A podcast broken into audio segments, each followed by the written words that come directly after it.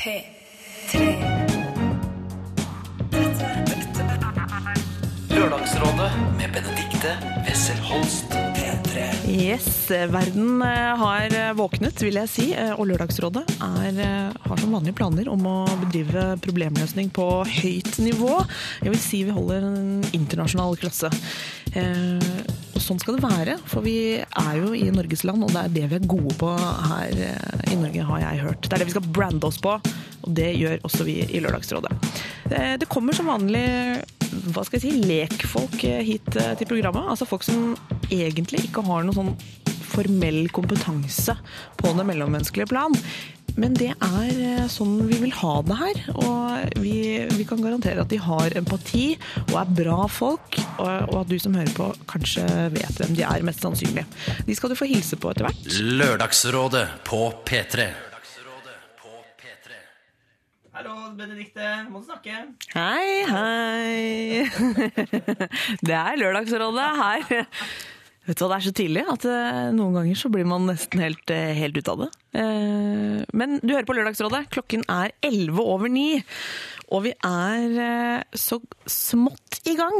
Eh, Jeg har fått i meg litt kaffe. Eh, Jeg sitter her i studio foreløpig nesten alene. Jeg har med produsent Jonas. Som heldigvis er våken. som heldigvis er våken. Og det er jeg også, egentlig. Men kjære lytter, forrige uke så hadde vi Kristian Christian Strand, Petter Ness og Hilde Hummelvold her i studio. Og vi diskuterte et problem som var innsendt fra en, en stakkars kvinne, vil jeg si.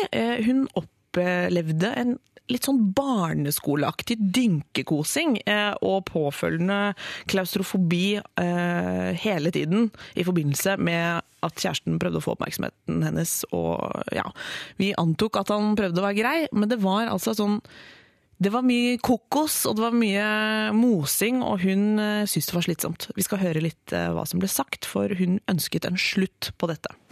De er jo sammen, han kan gi seg nå. Nå har han fått henne. Nå må du bare bevare det. Du kan ikke fortsette med det. Nei, Nei, jeg tror Hilde, hva tenker du? Jeg har ett klart svar, og det er et skikkelig ballespark. du det der, mener jeg. Det mener jeg. For det verste jeg vet, altså hvis noen prøver å kile meg, eller sånn Ja, gøy kommer bakfra, og så plutselig kjører pekefingeren inn i sida på deg. Jeg, jeg slår Altså, jeg blir så sint. Jeg skjønner henne så godt.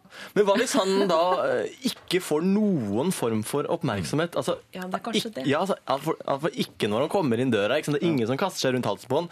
Ikke noe mat som lages når han kommer hjem. Det er liksom ingenting. Det siste løsningen han har, det er når klokka blir 11, kaste seg over kona si, ta dyna pressa inn til veggen. Altså, det er jo Vi slår det fast, det er hennes feil. Ja, vi gjør det. Ja, men jeg tror det er kort prosess på det. Ja. Ja. Bare få han ned i knestående, og så si 'jeg mener det'. Hva om hun begynner å kile han, eller kommer overraskende bakfra og, og drar han i hår og hopper opp på skuldrene hans når han sitter og sånn? Altså, Kanskje det kan bli noe gøy? Lørdagsrådet Det var altså Altså Hilde Hummervoll gikk rett på. Hun ville ha ballespark. Og ellers så var jo Lørdagsrådet ganske enig i at kanskje denne kjæresten, som var litt i overkant eh, røff på det fysiske, han ville jo kanskje ha oppmerksomhet. Prøve å skape litt stemning, latter, få noe eh, reaksjon. Det var vi innom. Og nå er det sånn at vi har fått en tilbakemelding da fra vår kjære innsender, eh, der hun svarer på hvordan det har gått etter at hun fikk råd på lufta. Og da skriver hun til oss Hei, Lørdagsrådet. Jeg slo heldigvis akkurat på radioen da eh, mitt problem kom opp, og samboeren, sto også like ved, så han hørte på. Han har sluttet å gi meg klaus, som hun sier. Eh, Han eh, sier at er, han gjør det fordi, han, fordi jeg ikke gir han nok oppmerksomhet, som kan stemme, og at jeg sovner så snart hodet treffer puta, men han vil kose litt først. Uansett så blir jeg bare sur av kiling og eh, klaus, så han har skjønt at eh, det ikke fungerer som han håpte på. Og ja, jeg slår nok fra meg i ren refleks, selv om det ikke er ballespark. Takk for at dere tok det opp. Han følte at han ble hørt, han også. Det er jo det beste som kan skje. Det er jo sånn vi vil at Lørdagsrådet skal være. Ehm, det var godt å høre.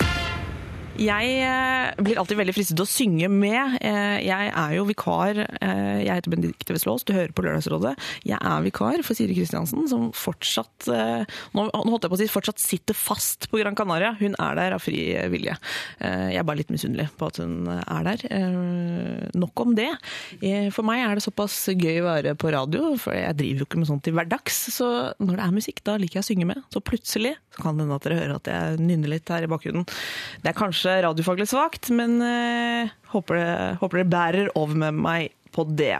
Dagens eh, lørdagsrådgivere har satt seg ned her i studio. De har litt sånn smale øyne, eh, store øreklokker og forhåpentligvis eh, store hjerter. Eh, To menn og en liten lady, hvis vi kan si det sånn. La oss begynne med det feminine innslaget, skal vi ikke gjøre det? Musiker, og kan man si Altså, sier man musiker og artist når du liksom både lager Når du gjør mye mm, av begge deler? Altså, Hilde Marie Kjersem, velkommen. Takk skal du ha. Jeg god til begge deler. Er du god til begge deler? Kom litt nærmere mikrofonen, Ja, så jeg hører deg Det så var veldig deilig godt. uproft av meg. Ja, ja. Altså, det, er sånn, det er sånn det skal være her. Eh, altså, du er ikke bare erfaren eh, låtskriver og, og sanger. Du er jo erfaren lørdagsrådgiver også. Åh, jeg har blitt det nå med tida. Ja, du er blitt litt sånn varm i trøya, Jeg tenker jeg. kjenner, kjenner Tok noen, tok noen eh, Du vet hva det går til. ja. Ja. ja.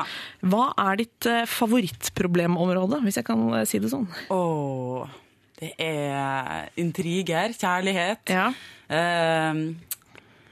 Eh, Intriger og kjærlighet. intriger og kjærlighet. Åh, Det kan jeg det nærmest saftig. garantere at du kommer til å få bryne deg på. ja. Eh, Kjenner jeg Lørdagsrådet rett, eh, så vil det være kanskje det vi eh, kommer til å ha mest av. Gøy. Ja. Dette blir gøy. Dette blir bra. Eh, ved siden av Hilde Marie så sitter det to eh, lyslugga TV-tryner, hvis vi kan si det sånn. Eh, Gaute Grøtta Grav og Erik Solbakken. Velkommen til eh, gards, eh, han sagt. Å, takk for det. Jeg går rett på. Uh, Gaute, hvem vinner Farmen i år? Ah. Nei, jeg tenkte kanskje jeg kunne ta deg i et sånt svakt off guard-øyeblikk. Tenk hvor mange som spør om det hver eneste uke. Ja, jeg- Tenk på det. Men kan du ikke bare si det som er fint nå? For nå, nå sitter jo Dagbladet-redaksjonen og hører på oss. Og hvis du bare slenger ut et navn nå, Ja. så får vi litt ekstra PR rundt programmet. smart, smart. Farmen-flause. Hør mer på Lørdagsrådet! Farmenflause del fire. Ja, det er veldig mye Farmen-flause for tida, og det er bare beklager, men det er altså fordi at det går så fort unna i klippinga. Vi har jo nesten ikke slutta å ta opp før altså første program skulle gå på. Eller vi var jo, ja, Folk rakk ikke å klippe ferdig før det skulle på. Så da av og til skjer det små flause, og det er, det er dessverre veldig beklagelig. Men eh, det er altså mennesker som, som jobber med TV, og menneskelige feil, det dukker opp, og det må man alltid tilgi. Han skal ikke glemme det at de som jobber med TV, også er mennesker. Ja, det er det. Og det, syns jeg, det syns jeg vi skal snakke Det syns jeg vi skal ha i bakhodet her, eh, i dag. Men, du, det, jeg må si en ting før Ja. vi går til Erik Solbakken. Ja, ja, han har fått seg ny telefon siden sist. Vi møttes for ja, ja. Han har gått rundt med en sur gammel iPhone 3GS eller et eller annet, som var fullt av knuste riper og sånn. Og så tenkte jeg liksom si det til henne, og så tenkte sånn OK, det har det vel ikke så, ikke så rike NRK, tenkte jeg. Det har ikke råd til å kjøpe seg nye telefoner stadig. Men nå sitter han her med en iPhone 5 og lyser opp. Jeg, måtte, for det iPhone er- 5 faktisk. Ja, det er Vanligvis er det Fifi, men jeg hadde lyst til å vise Det er, det er noe med å, Istedenfor å pisse i hjørnet her, så er det noe med å legge den nye iPhone på bordet. Så, Nå har jeg fått melding fra Kristina. Du er på vei til Sandefjord. Da er det bare å kose seg på turen her, altså. Oi! Så nå, nå skal jeg legge den ned. Så Nei, nei, ikke, nei! Vi skal vise den fram. Nei, men nå kommer fram, alle vennene mine som jeg hører på, kommer til å sende melding for å komme på radio. Det er sånn klassisk eh, når de vet at telefonen Det kan de er prøve seg på. Og vi, vi som, du som hører på, som også har lyst til å komme med SMS på radio, gjør det for all del. Det er P3 1987. Send oss SMS. Eh, Erik Solbakken eh, kommer ikke til å pakke vekk telefonen, for den var litt av et eksemplar. Eh, Den skinner. er, det, er det sånn, eh, Gaute og Erik, er det sånn dere i TV 2 liksom ler litt av NRK-gjengen? Er det sånn at alle har iPhone 5 i TV 2 allerede, Nei, eller? skal, det er bare sjefen min, Bård Eriksen, han er sjefen for God kveld Norge Senkveld. alt der. Han har iPhone 5. Han fikk selvfølgelig dagen før det var lansert. Selvfølgelig. Ja, ja. Men, det, men det er faktisk være. ikke tull engang. At jeg var en gang eh, i hva skal vi kalle det, en sammenkomst hvor Alf Hildrum, sjefen til TV 2, eh, hvor jeg sto og hadde en sånn tidenes tørrprat med han. Uh, jeg vet ikke hva vi snakka om, men så fant jeg ut at jeg skal ta et bilde av meg og han da, og sende til en kompis som jeg har som jobber i TV 2. Og da var det han sa da, han så rett på telefonen, så sa han Du har den trege telefonen, ja. Hos oss er det ikke lov til å ha sånne telefoner, de er altfor gamle. Så hmm. Så Erik, hvis du vurderer eh, sånn telefonmessig, så er TV 2 et bedre sted å være. Sånn IT-messig og telefonfasilitetsmessig. Men du har eh, hatt det moro her i huset med serien eh, Karl Johan. Ja, det var eh, kjempemorsomt. Ja. Det. Var for så vidt ikke her på huset, for vi stakk jo da ned til Karl Johan. Til eh, folkedjupet. Og det var jo egentlig det bærende elementet i hele greia.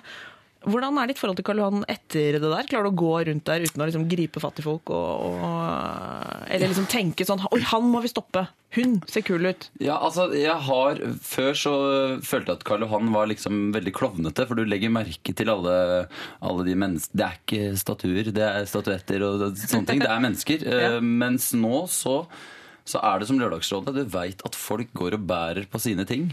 Eh, og det også i Karl Johan, i Ja. sirkuset Karl Johan. Så, uh, men det er veldig fristende å stoppe eldre menn med langt hår, for de er klin gærne. Stort sett. 50% av alle mannfolk over 50 Det år. er som så det er, det er sant. Det faktisk på. De er. Men du, ikke spør om en ting, for det er mange som har spurt meg om det. Ja. Eh, For eksempel broren til eh, innslaget. For der er det jo veldig vanskelig å plutselig få på en parykk og en stripete genser. Eh, Hvor lang tid i forveien spotter du folk? Har du kikker, eller hvordan gjør du det? Det lurer jeg også på. 40 sekunder har vi. Vi står på en eh, strategisk eh, høyde, og så ser vi nedover. Og så kommer de tuslende opp, disse herlige mannfolka på 50 år med krusete, langt, hvitt, grått hår. Og da er det bare sånn Hvitt, grått hår! For nei, han har dress! Nei, han har beige senskaskin! Og så tar vi på oss, eh, og så, så er det bare å la det stå til. Det er så gøy, det. At det, det er imponerende. Og jeg Ja. Har lurt på akkurat det samme. Det er det man sitter og lurer på når man ser sånn I alle dager, det er jo helt likt! Hvordan har de rukket det? Hvor mye stæsj har dere med dere fra kostymelageret? Veldig mye. Altså, er vi bare, det er bare tre stykker. Det er Hasse Hope, øh, meg og en til. Så vi, så vi pleier å lage en, sånn, en fin base inntil Hense og Maurits. Eh, og da det var varmt, så kom jo da alle romfolk og trodde at her er det bare å plukke, og snille nordmenn, her har de lagt alle klærne, de bjuder på. Så, så da var det halve, halve tida var sånn eh, Sorry, it's kostymelager in uh, NRK, the broadcasting channel. eh. ja, så, mm. Det foregår altså, som vi skjønner eh, Det er Lørdagsrådet du hører på. Eh, Hvis du skulle bli litt i tvil her, for her prater vi om mye rart med en gang. Eh, Vi har Gaute Grøtta Grav, Hilde Marie Kjersem og Erik Solbakken i panelet. Og vi skal i gang med problemløsning om ikke altfor lenge.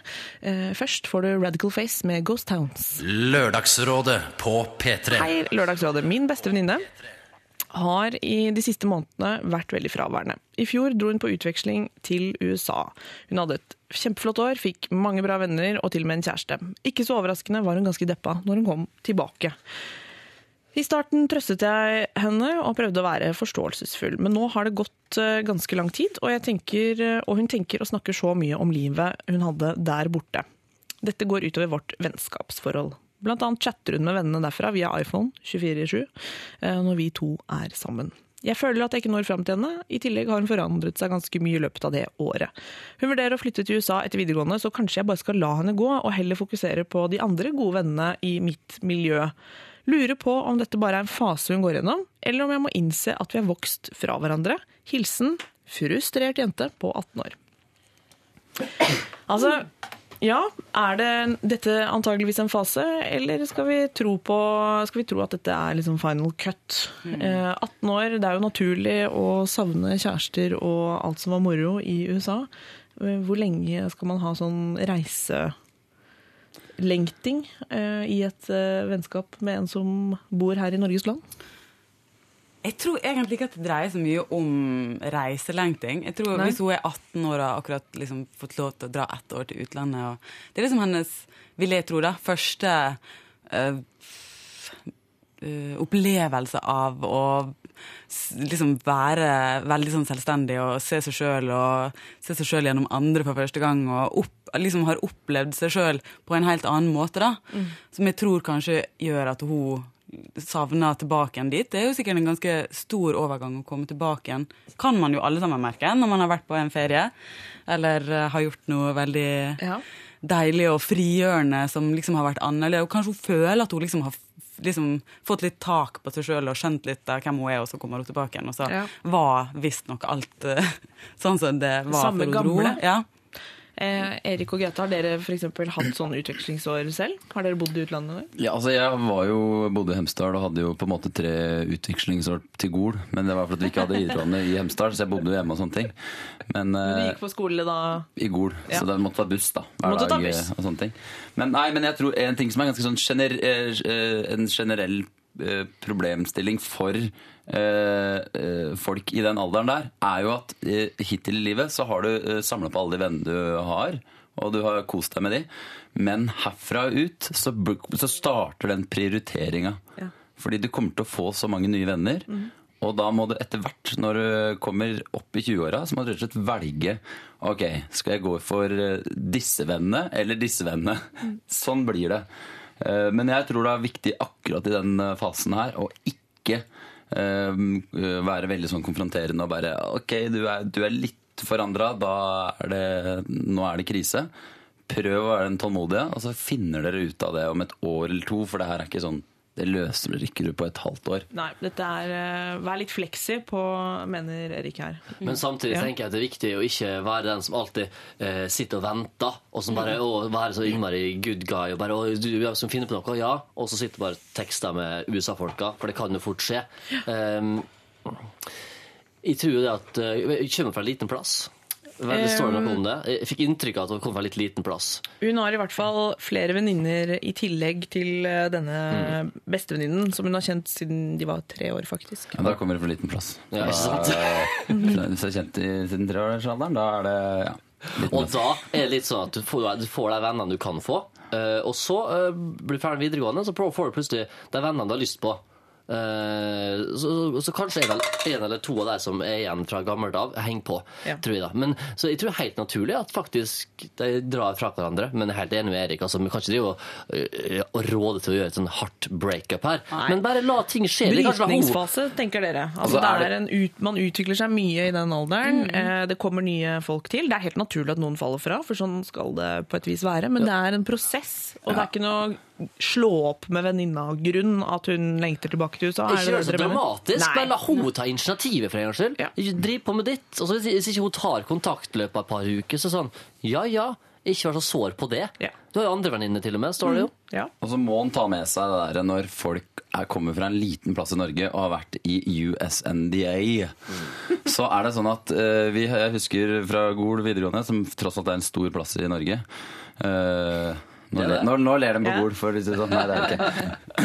Da husker jeg vi hadde ei klassevenninne som hadde vært i USA, og hun sleit så med å bare omstille seg til norsk. Så det var sånn derre Oh my god, what's the word again? Oh my god. Så de er litt irriterende når de kommer fra et år i USA. Veldig. Det er bare sånn, oh my god, What's the name. Escalator, escalator. Ja. Ja, ja, ja. Teacher oh, hva var det igjen? Eh, Så ta med deg det også i pakka der. Altså. Ja, ok. Kjære frustrerte eh, Ikke frue, det ville vært for dumt. eh, Frustrerte venninne på 18 år.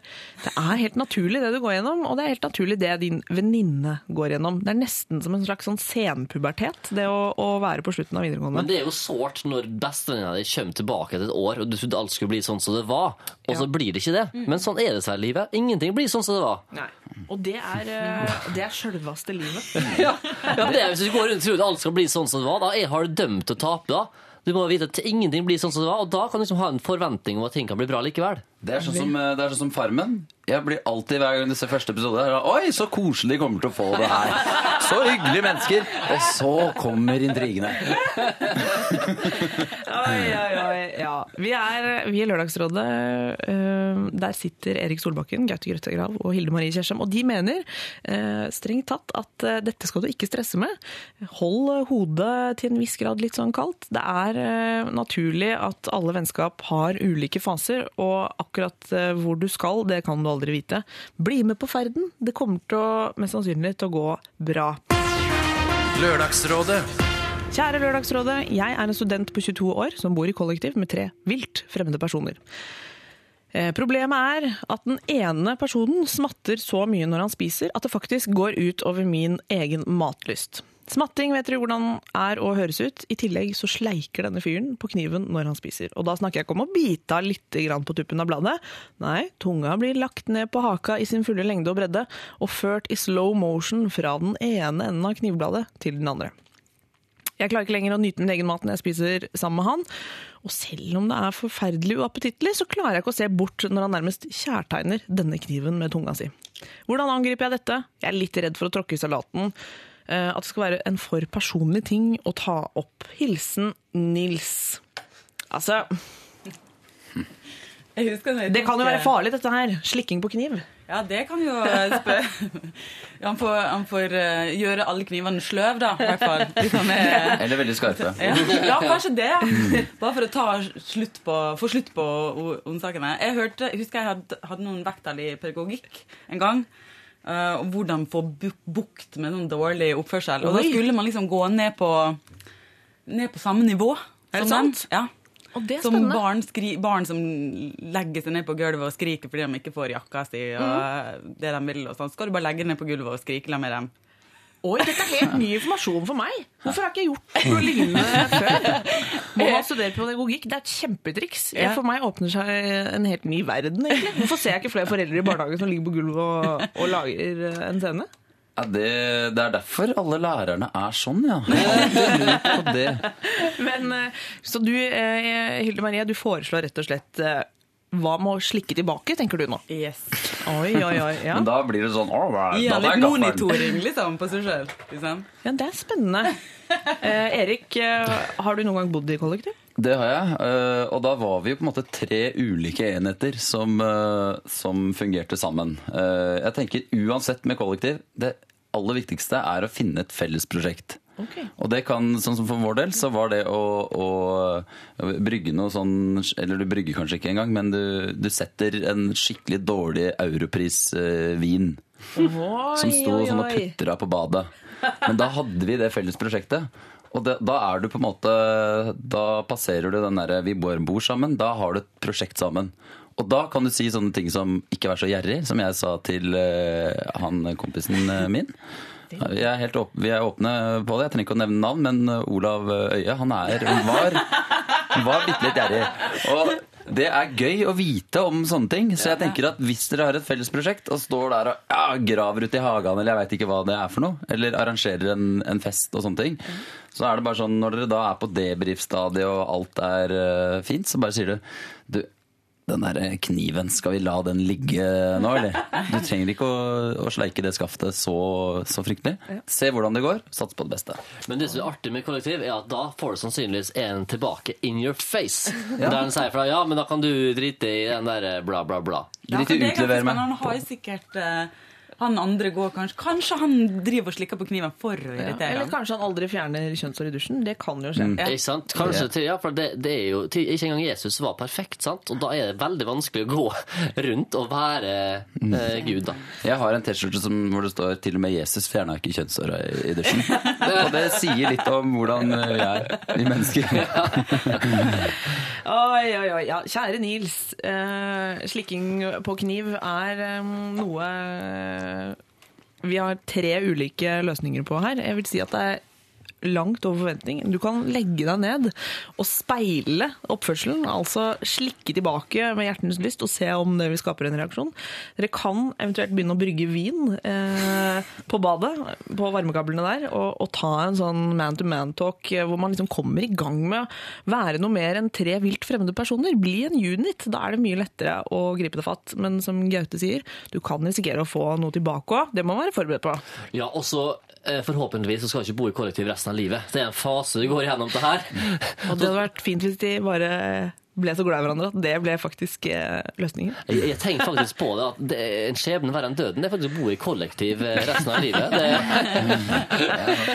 Oi, oi, oi. Ja, det er vanskelig å bo i kollektiv. Det er, eh, jeg vil si at jeg i min vikarperiode i Lørdagsrådet har vært innom kollektivproblematikk veldig ofte. Jeg syns det kommer noen gode løsninger. Dette er blant de beste jeg har hørt. Eh, Jeg ender dessverre litt for ofte med å si sånn Nei, men herregud, bare flytt, da!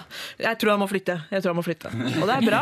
Nå har ingen foreslått flytting. Det skal ikke jeg gjøre heller. Dette kommer til å ordne seg. men han med kniven kan flytte, da! Ja, vi får se, vi får se. Det kan hende han er en sabla trivelig fyr, da, selv om han øh, kjører slikkeregime. Ja, men Poenget er at folk som slikker på kniven og smatter, har som regel mange andre ting òg. Når du først blir kvitt det, så er det sånn Å nei, da, da, det opp noe nytt.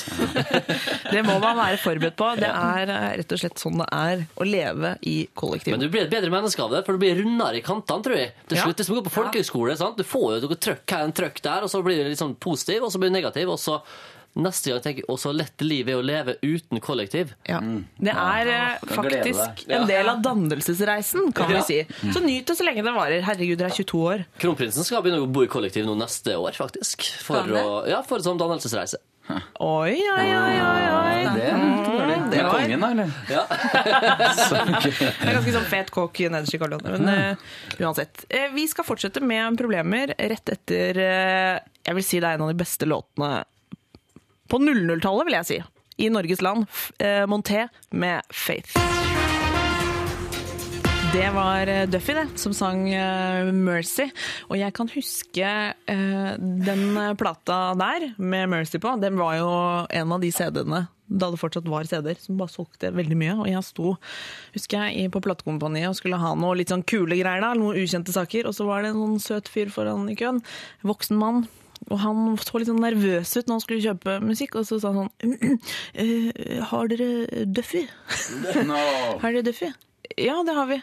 Ja. um, jeg, jeg tar to, to av den. Nei, sa det ikke. Ja, han sa to av den. Jeg det var litt sånn søtt. Han hadde liksom fått med seg at det var ålreit. Og, og da tenkte han dette var jo rundt juletider, så den skulle flere få. Ja, koselig. Her kommer et kjapt problem fra Facebook-siden vår. Eh, Øyvind skriver Vi hører på, ungene er sendt til besteforeldre, så vi har en jobbehelg hjemme. Far skal legge fliser i gangen. Hvilken farge skal jeg ha på fugene, mon tro?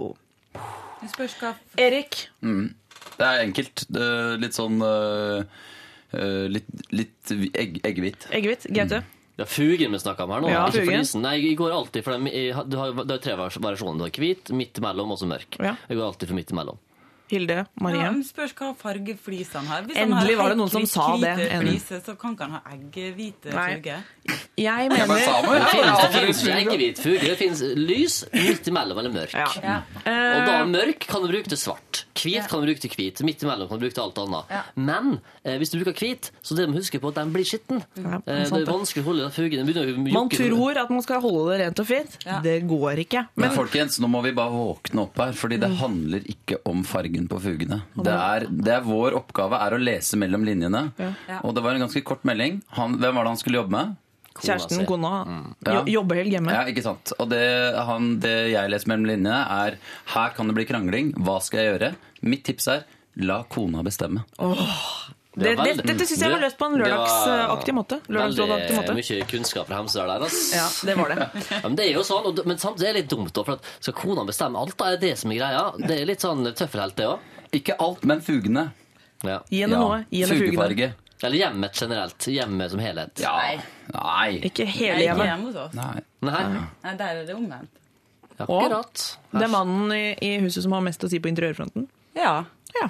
Han har, jeg har ikke sånn tydelig mening 'jeg vil sånn' eller 'jeg vil sånn'. Da Så- må han rett og slett eh, skjære igjennom, som det heter. Ja, og kan- han har det, da. Han har de tydelige meningene. Ja. Så da er det helt kult. Du kan la henne bestemme, og da tenker jeg sånn da er det spørsmålet, eller da er det påstanden Jeg syns at du skal bestemme. For da kan hende kommer den «Ah, usikker selv, og så finner du ut av istedenfor å si trumfe gjennom noe sånn veldig mandig sånn ah, Akkurat fugefarge, det er viktig, det kan jeg. Og så går det et halvt år, så ser du at de fugefargene bare ah, De er skikkelig stygge, og da er det din skyld. Ja, det er sant. Eller det kan være smart å ha to farger som du liker. Bør vi ha den eller den? Vinn-vinn-situasjon. Dette er, eh, kjære Øyvind, eh, dette finner du ut av. Og Lørdagsrådet problematiserer i kjent stil. Eh, Dette kommer til å ordne seg. Vi skal videre med Jeg er ikke så sikker på det, egentlig. Kanskje vi får høre fra Øyvind i løpet av sendinga hvilken fugefarge det henter på. oss, tekst oss. Kom igjen. andre problemer, og det er andre problemer der, det veit vi. Øyvind. Ja, det vet vi. Vi skal i gang med en fyr som har skrevet til oss med litt andre problemer, må vi kunne si, enn fugefarger. Eh, Jeg er en gutt i midten av 20-åra som er i lag med en jente som er litt yngre. Vi har det trivelig helt til hun møter noen som har barn. Da starter problemene. Hun begynner å spørre meg om vi ikke skal ha barn. Jeg er usikker på om jeg vil ha barn med henne. parentes. Jeg sier da nei, og hun begynner å kjefte på meg fordi hun øh, tror at hun ikke er pen nok, og sier at vi ikke kommer til å få barn før hun blir 40 år. Hun spør av og til om når jeg vil ha barn, og jeg svarer da at det vil jeg ha først når jeg er klar. Hun mener at barn ikke er noe man skal planlegge eller være klar for. Jeg er av typen som ønsker å få meg fast jobb og et hus å bo i før jeg får barn. Håper dere har noen tips til hva jeg skal gjøre. Hilsen Kjell. Klassiker! Er det en klassiker? Ja, ja, ja, fordi Og det er ikke så mange som vet, kanskje, men en jente som er 18-19-20 år, har ekstremt behov ofte for å få unger, tror de. Så unge? Ja, det er helt gærent. Det er helt crazy. Det, er, det, det er jo ikke riktig. Eller jo, det er helt hyggelig. Vær så god, få barn hvis du vil. Men veldig mange passer ikke så godt for blant gutta, for eksempel. Da. Så jeg vil si mitt knallharde råd. Hvis jeg bare kan ta det kontant, så kan nok andre være uenige med meg etterpå. Det er helt greit. Men jeg tror at eh, for hennes beste jo så er det sånn ja, hyggelig at du vil ha unger, men la oss nå bli skikkelig godt kjent sammen først. La oss få livet vårt på stell. Vi vil at ungen skal komme til en verden som har noe å tilby. Eh, Så det skal ikke bare skje. Vi må, vi må rett og slett planlegge litt. Det er lov å gjøre det i verdens beste land, Norge. Så la han fyren da få Men han må jo gå inn i en avtale da, og si sånn OK, når vi er 27 år, jeg er 27 år, og du er 24, eller hva det er, da kan vi få barn. Det er greit. Og så, øh, men det som er litt negativt her, da, er jo at han ikke vil ha unger med henne. Eh, Da er det jo et, eller annet det er lu- lureri. Han er i midten av 20-årene, og hun er eh, skal ikke 20. holde folk på ventepinnen, eh, det er en annen sak. Men la oss begynne i en riktig ende. Men det høres ut som det blir litt problem hver gang de snakker om det. Ja. Og det tror jeg er litt hans feil òg, fordi når hun sier sånn 'Å, jeg er så klar for barn, og når vil du ha barn?'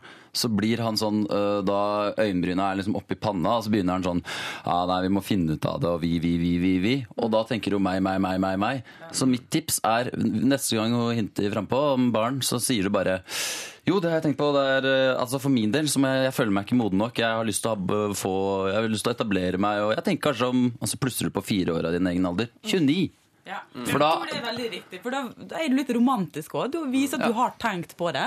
Ja, det er et godt At eh, liksom tips. vi ja. to og vi skal en gang få barn. Og Istedenfor så avviser du henne på den framtidshorisonten når de du sier nei, det, det er altfor tidlig å tenke på. For han skriver jo det, nemlig at eh, hun, hun begynner å lure på om det handler om at hun ikke er pen nok. Og, altså hun bruker jo dette barnekortet for å få bekreftelse, og det er vel kanskje litt dristig å iverksette hvis hun strengt tatt lurer mest på om hun er heit og foxy. Så skal han plutselig Det er derfor det er dumt. For det er litt hans feil òg. Fordi grunnen for at hun følger det, eh, er jo at han begynner sånn Uff, ikke begynn å snakke om det greiene Uff, som er undertekst. Jeg er usikker på vårt forhold og sånne ting. Det er veldig farlig og skummelt å gå inn på denne greia der. Så bare vær sånn eh, Barn, sier du? Nei, ja, det har jeg tenkt sånn. Bla, bla, bla. bla, Ja. Og så dytter du problemene framover. Kanskje mm. fire år er fint, for det er så langt fram i tid. Men da kan du ha slått opp hvis du ikke er ja, men, men det er viktig men det det er jo et problem i forholdet hvis en ikke er klar for å få barn med henne. Det er sånn typisk eh, rød lampe, det. Hvis du ikke er keen på å ha unger med noen, så er det sånn der, OK, da er det, da er det tidsfordriv, da. Men i midten av 20-årene, og hun har så vidt blitt 20. Jeg tenker sånn eh, Se opp for slike damer, Kjell, for de kan plutselig finne på å bli gravide uten at dere har prata om det. Akkurat. Plutselig så klirrer Ja, men hvem vet, da? Hvis det er så intenst ønske og sånn Jo, jeg vil, jeg vil. Jeg må innrømme, hun irriterer meg litt. Grann. Jeg har veldig øh, følelse for Kjell her nå. Damer skal ikke gnåle seg til barn. Det går Du, ikke an. det skjer jo over hele verden den dag i dag. Nei, jeg blir, jeg Jeg blir at jeg blir blir litt matta. Det er klart jeg blir matta, det. Også så tidlig, da. Det er veldig ungt. Er veldig. Gjennomsnittet i Norge er 30 år ca. Jeg sier ikke at man må være 30 år. Man kan godt være jo- yngre. Det er kanskje litt for seint til og med. Men altså Herlighet, da. Det er jo ikke noe stress, i hvert fall. Å snakke så mye om uh, føding i så ung alder. Men det er derfor det er viktig at han Ikke bra, vil jeg si. Ja, Hvis han er tydelig også, så fordi det er en risiko hvis det er sånn krangling, krangling, og så sier hun ja, da går jeg og tar p-pillen min jeg, på Ja. badet, og så hm, hm, nam, mm, oh, da, er jeg, da kommer jeg ikke til å få barn. Vips, og så får de barn. Så hvis han er ø, tydelig på det, så tenker hun at ah, han er ansvarlig, han er fornuftig. Da venter også jeg fire år. da trenger jeg ikke å mase om, uh, mer om det her på fire år. Det tenker jeg er fint. Vi har en plan sammen. Ja, jeg har nemlig alltid tenkt litt på uh, Som kvinne så har jeg tenkt litt på det at det må være litt skummelt å være mann i den forstand at man kan risikere å få høre sånn Du, eh, jeg er gravid, og så er det ikke noe man har lyst til å høre. Og dette, er jo, dette skjer jo, eh, og det har vi lært da vi var små, at hvis man har eh, samleie, så skal man helst ha det med noen man har lyst til å bli foreldre med. Sånn fungerer det jo ikke, det kan vi jo bare slå fast. Men det er noe, det er noe fryktelig sårbart i å, å kunne være en person som ikke bestemmer det selv, og det er jo gutter, rett og slett. Men Har dere tips, reflektert over det? Ja, et tips som du er helt sikker på det. Eh, Hvis du er i et forhold, så kan du smelle på dama et p-plaster i stedet for eh, p-piller. For da ser du lenge plasteret henger på huden, så vet du at da skjer det ingenting. Og så byttes en gang i uka. Det er så kynisk. eh, Veldig romantisk. Veldig romantisk. Nå er det Farming-Gaute som snakker Nå er det her. farming, altså. Personlig eiendel, p-plaster. Du ser Var det ikke det? Var det ikke Det det? er i god stemning. Man ender i køya. Gaute kjenner litt sånn stryker over kroppen. Bare 'hei, stopp en her! Hvor er p-plasteret?' Ikke noe Ja, men det kan du tegne på med sprittusj. Sånn hjerte og greier. sant? Som er koselig, vet du. Ja, ja, ja, ja. Altså, Jeg vet ikke hvordan det er å være ungdom. Jeg er blitt gammel og, og er satt i, så dette her, jeg vet, jeg gir forslag til hva ungdommen Ja. kan tenke. Og P-plaster det, er et godt forslag, faktisk. det vi er altså. enige om, eh, Kjell, er jo i hvert fall at du skal jo ikke ha barn når du ikke er klar for det. Og denne kjæresten din, som helt sikkert er en eh, søt eh, dame, eh, hun kan jo i hvert fall ikke liksom mase seg til noe så viktig som et, en ny person i verden. Det Jeg vet ikke hvorfor det er blitt sånn, for jenter har altså en veldig sånn driv etter å få unger i den alderen, og så kommer inn i studenttilværelsen, tenker jeg, oi, det er jo koselig det òg. Som akkurat som en sånn usikkerhet som skjer etter videregående, at det er sånn tomrom, da. Ikke får fylt opp livet på nytt, og så bare Ja, unger, det vil løse alt. Men det gjør jo ikke det. Jeg eh, sniffer på en sånn sentrum-periferi-problematikk her. For eh, jeg hadde ikke lyst på barn da jeg var eh, i begynnelsen av 20-årene. Det kan jeg bare skrive den på. Um, mens kanskje, Gaute, vet ikke. Du er jo fra en annen kant av landet. Jeg vet ikke om det er vanligere å få barn. Dette er jo litt forskjell på by og land, det må man jo kunne si. Ja, det er det nok også. Fordi det er flere som får som nå har, Når jeg kom hjem nå, så har jeg de gamle klassekompisene mine som Noen av dem har liksom tenåringsbarn, og Ja. noen har tatt masteren sin i Oxford og sånne ting. Og det er ingen tvil altså, her Det var jo ganske godt gjort, faktisk. Ja, da fikk de barn da før de begynte på barneskolen. må ja. altså, det var jo Men det, er- det, Nei, det er mange da. løsninger. Folk velger forskjellig, det er det ingen tvil om. Og og skal ikke sitte her øh, og, og bestemme hva som er riktig og galt. Men det vi alle sammen i Lørdagsrådet er enige om, er at barn, det skal man være to om. Eh, og så unge som dere er, eh, Kjell og, og øh, kjæreste, så er det ikke noe dårlig tid engang. Så det er ikke noe, det er ikke noe presserende konflikt. Det er ikke noe biologisk klokke som tikker, eller noe som helst. Og hvis eh, denne dama hvis du ikke klarer å bekrefte at hun er en kul og bra dame, eh, så får du rett og slett bare eh, slå opp. Nei, du, det, nei, nei, nei, du. Flytt flytter, slå opp, flytt deg, slå Herlighet. Hoved. Og, men du, jeg tror ikke vi trenger å være her, butikken tar seg av alt det her. Det går fint. Bare slå opp, skyt, gjør Bikkja. Veldig mye drastisk her nå. Nei, men eh, det var satt på spissen. Men vi vil jo ikke at eh, Kjell skal bli pappa uten at han har lyst til det sjøl. Det er vi jo alle enige om. Men hvis Kjell er klar og tydelig ja, jeg, Om fire Ja. år så er jeg klar, så tror jeg ikke det skjer noe Ja. i, i posen her. Det beste du kan gjøre, Kjell, er å si at eh, barn, det sier jeg ikke nei til, men jeg har en plan om sånn cirka når. Og hvis hun syns det er ålreit, da har dere et felles mål og kan rett og slett kose dere med å være vanlige kjærester fram til da. Men det er mange som syns det er kult å ha unger det tidlig, så hvis jeg syns det er bra når jeg er Ja. 20 år, kjør på. Eh, Kan det være ungdommer i 40-åra, vet du. Yeah. Oi, oi, oi. Vanskelig kategori. Lørdagsrådet. Lørdagsrådet Ja, det var Coldplay.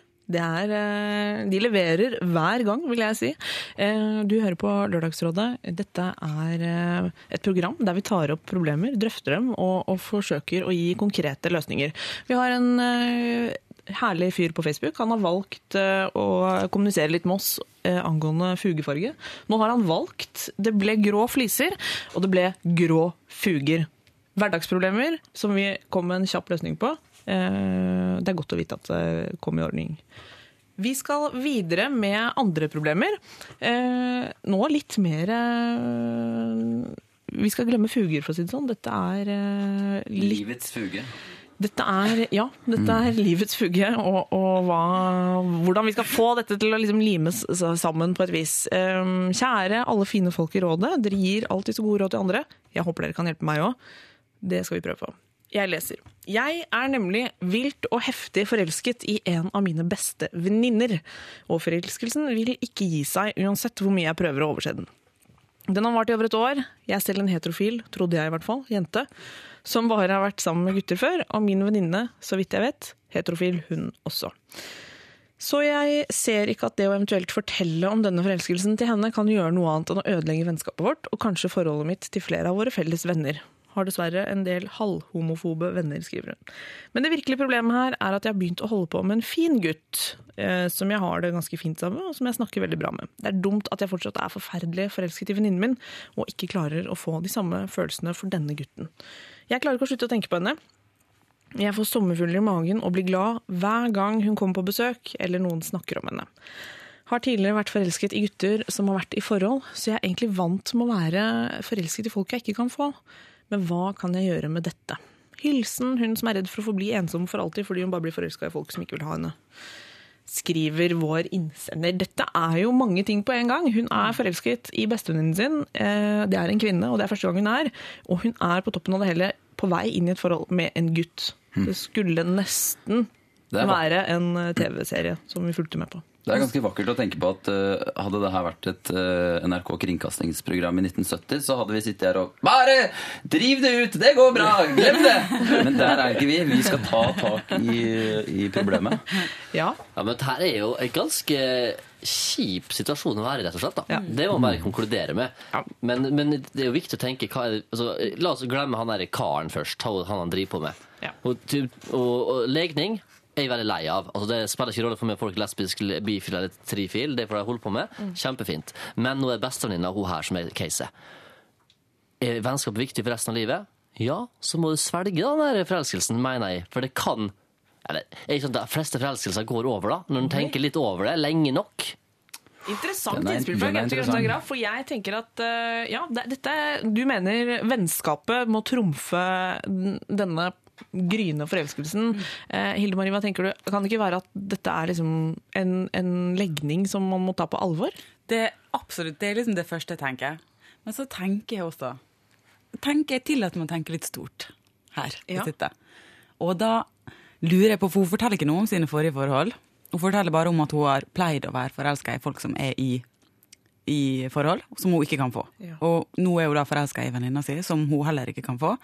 Og så har hun en kjæreste som hun ikke er så veldig forelska i. Er hun litt Kan det være at hun rett og slett ikke tillater seg å Altså har hun noen sånne problemer som ligger under her, da? Tillate seg å bli forelska i folk som hun kan få. Folk som liksom kan innfri alle hennes ønsker og gleder her i livet. Ja, det har jeg det er en interess, et, et interessant innspill, for det er jo, dette har jeg hørt om. Altså at man ved å på en måte ha en sånn idoldyrkelse, eller at man forelsker seg f.eks. satt på spissen, da, en eh, Justin Bieber, så er det på en måte noe som alle disse jentene vet egentlig innerst inne at det er ikke aktuelt, men det frigjør en form for sånn det en, ligger en trygghet nesten i at det er uoppnåelig, og at man derfor liksom tillater seg å, å bli det. Og fordi du vet i bunn og grunn at liksom, dette blir ikke noe av, så whatever.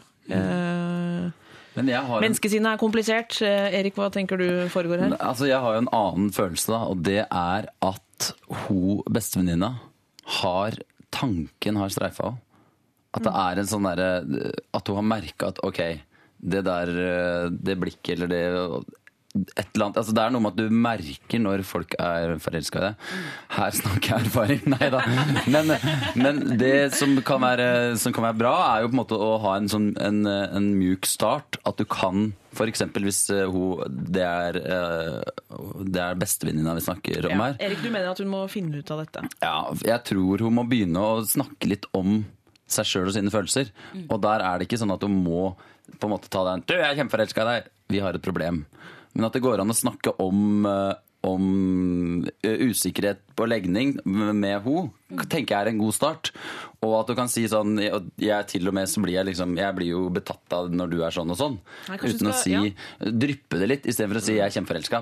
Bang! Men å si sånn når du er sånn og sånn, og da blir jeg litt sånn Er det forelskelse? Hva er det? Hvis du skjønner? At du kan Og det er helt enig. Og så, lenge hun har da eh, den målsettinga er ikke at hun vil bli sammen med henne, men å lufte det for å komme videre. Ja. For hvis hun jenta her er helt sikker på at hun venninna er hetero, så vil det uansett være en veldig dårlig kombo. Eh, dessverre, tror jeg. Så, men, men Veldig, liker veldig godt eh, innspillet. Så du mener, Erik, at det er et alternativ å åpne opp for samtalen om legning? Altså sånn uh, uten å dumpe hele den eh, på uh, bestevennen. Nå kan jeg komme med et innspill, for jeg tror det er ikke så uvanlig i sånn første homofil relasjon at det ofte er en nær venn. Eh, at man som jente f.eks. har At det begynner som et vennskapsforhold, så begynner man å kjenne på noe annet. Det gjelder nok også en del gutter. At man er kompiser, og så vil den ene Og det er ikke så, kanskje så uvanlig som sånn første trinn på å kjenne på noe som er eh, noe annet enn bare vennskapelige følelser. Men det betyr ikke at det er den, kanskje den store kjærligheten. Eh, men det betyr kanskje at eh, vår innsender har Ja, kan ha forhold til jenter videre også. Men så er det jo mange som sier sånn da, at jeg forelsker meg ikke i kjønn, jeg forelsker meg i personer. Så det kan liksom bli med den ene forelskelsen i Ja, ja, du kan begge. Alt går an. Men jeg tror ikke det går an å ha være forelska Eller det går kanskje an, det er også veldig dumt å si det, men eh, det er ikke ideelt å være sammen med to stykker samtidig. da. Det er et godt innspill, Gaute Grøtta Grav. For det er jo noe hun definerer her i vårt brev. Ja. Det virkelige problemet, sier hun, er jo at jeg er på vei inn i et forhold med en gutt. Kan vi si at det ikke er noen god idé? Det er ikke en god idé, og det er kloke ord som er sagt i det rådet her før, eh, om at det derre det helt uoppnåelige det pirrer deg ganske mye ekstra. Så ved å lufte det eh, litt, og da si at Si til henne at jeg er faktisk litt småforelska i deg òg, på en måte. Gjør det, kanskje pakke inn sannheten eh, med litt sånn skumgummi. Så, så kan det hende at det til og med at hun finner ut at ok, det her handler ikke om at jeg er forelska i min beste venninne. Det handler kanskje mer om, om eh, legning også. Ja. Så det er jo en fin start, kanskje, å bare begynne å lufte litt. Og så se han, og så kan hun være litt sånn Ja, ja, du, forelsker, du er jo forelska i meg, ha-ha-ha. Det blir litt mer på et sånn ukomplisert stadie. Men sånn homofobe venner rundt seg er jo da selvfølgelig litt trøblete, da. Ja, men de Det jo- homofobe folka, de, altså, de kommer ikke til å overleve neste generasjon. Nei. Så det Og det er, jeg har funnet ut, jeg har jobba med Farmen, for eksempel, har ofte hatt med eh, homofile, og kanskje da folk som ikke har vært så utgangspunktet begeistra på homofile. Helt tilfeldig sammensatt Ja. for å skape helt tilfeldig Ja, men, det, ja, og, men jeg vil ikke lage ikke dårlig stemning. Jeg vil at folk skal som er forskjellige, som i utgangspunktet kanskje ikke tror de passer sammen, skal finne ut av det her og få et felles prosjekt og dra sammen. Det er det som er målsettinga.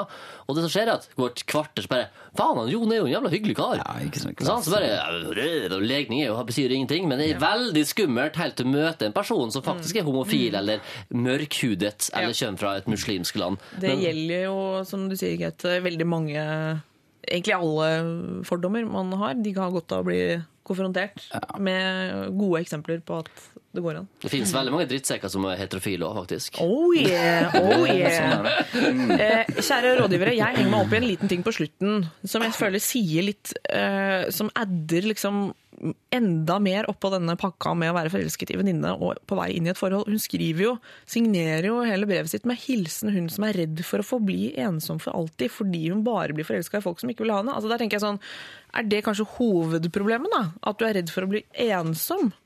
Forbli ensom fordi du bare forelsker deg. Altså Det der blir en sånn selvoppfyllende profeti, nesten. Hvis du har satt deg selv i en sånn rolle sånn Nei, jeg er en person ja, som bare blir forelska i folk jeg ikke kan få. Der har du That's the story of my life. Er ikke det litt sånn det, altså, det er litt defensivt, og det er kanskje hun er litt redd for å snakke om sine, sine ekte følelser. Det er derfor hun på en måte får inn en fyr som på en måte matcher bra med noe sånn litt sånn fint overfladisk. Ja. Hvis du begynner, hvis du tar liksom den tøffe ruta for deg sjøl, men for andre så kan det virke som at å ja, hun er bare ærlig på ting og sier det på en fin måte.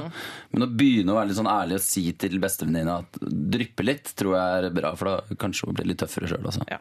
Kan vi si at hun skal ikke Hun er ikke sammen med denne fyren helt ennå. Hun er på vei inn i en relasjon. Fin gutt, som jeg har det ganske fint med, og som jeg snakker veldig bra med. Eh, Det kunne vært en fyr du møtte på trikken, liksom. Altså, Ja, du det kan der- ringe IKEA kundeservice Ja. og få til det der. Og du, der møter du en fin gutt som er ganske fin å snakke med. Og, ja, ikke sant? Det holder ikke. Men det det er ikke han du skal Nei. deale med. Det Nei, er helt, helt åpenbart. enig, Rikken. Og jeg tenker at det kanskje til og med i denne situasjonen her er lov å dra til legen og si hei. Har, kan jeg få en henvisning til en psykolog? For at det er ikke noe nedtur å gjøre det. Det tror jeg mange kan ha godt av. Å snakke med en profesjonell da, Ja. innenfor det her. For det her er jo eh, altså, En ting at vi kan gi en løsning på det, men det her er faktisk såpass alvorlig tenker jeg, at det er viktig å finne ut av det. da. Og gjøre det skikkelig, ikke bare på fem minutter eller ti minutter her, men at du bruker noen timer på det. Og det koster ikke så mye heller. Vi i Lørdagsrådet er jo egentlig veldig for eh, fagfolk. Det er bare at vi, vi liker jo å prøve oss uh, med våre egne livserfaringer og, og vårt eget hjerte og, og hode. Men det er selvfølgelig veldig godt innspill fra Gaute Grøtta Grav. Hva med å snakke med en profesjonell? Rydde litt opp i både det ene og det andre. Kjære innsender som er forelsket i bestevenninne, ikke så forelsket i den du er på fer i ferd med å bli sammen med, og også redd for å forbli ensom. Og som Dickens sier, går det dårlig, flytt. Nei, ikke noe flytting her og nå. Men eh, jeg håper eh, Hun startet jo brevet med å si at vi gir så gode råd til så mange andre. Vi håper jo vi har levd opp til forventningen om det. Eh, En profesjonell vil selvfølgelig kunne gå mye dypere ned i materien og, og sikkert ta den her enda videre.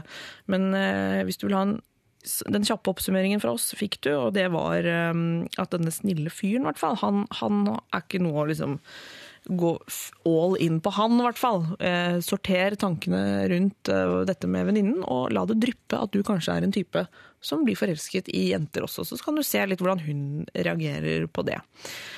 Ah, det er eh, Lykke til. Ja, lykke til, må vi vel kunne si. Det ikke, dette kan jo bli en kjempebra greie. Vi vil gjerne høre fra deg eh, om eh, hvordan dette går.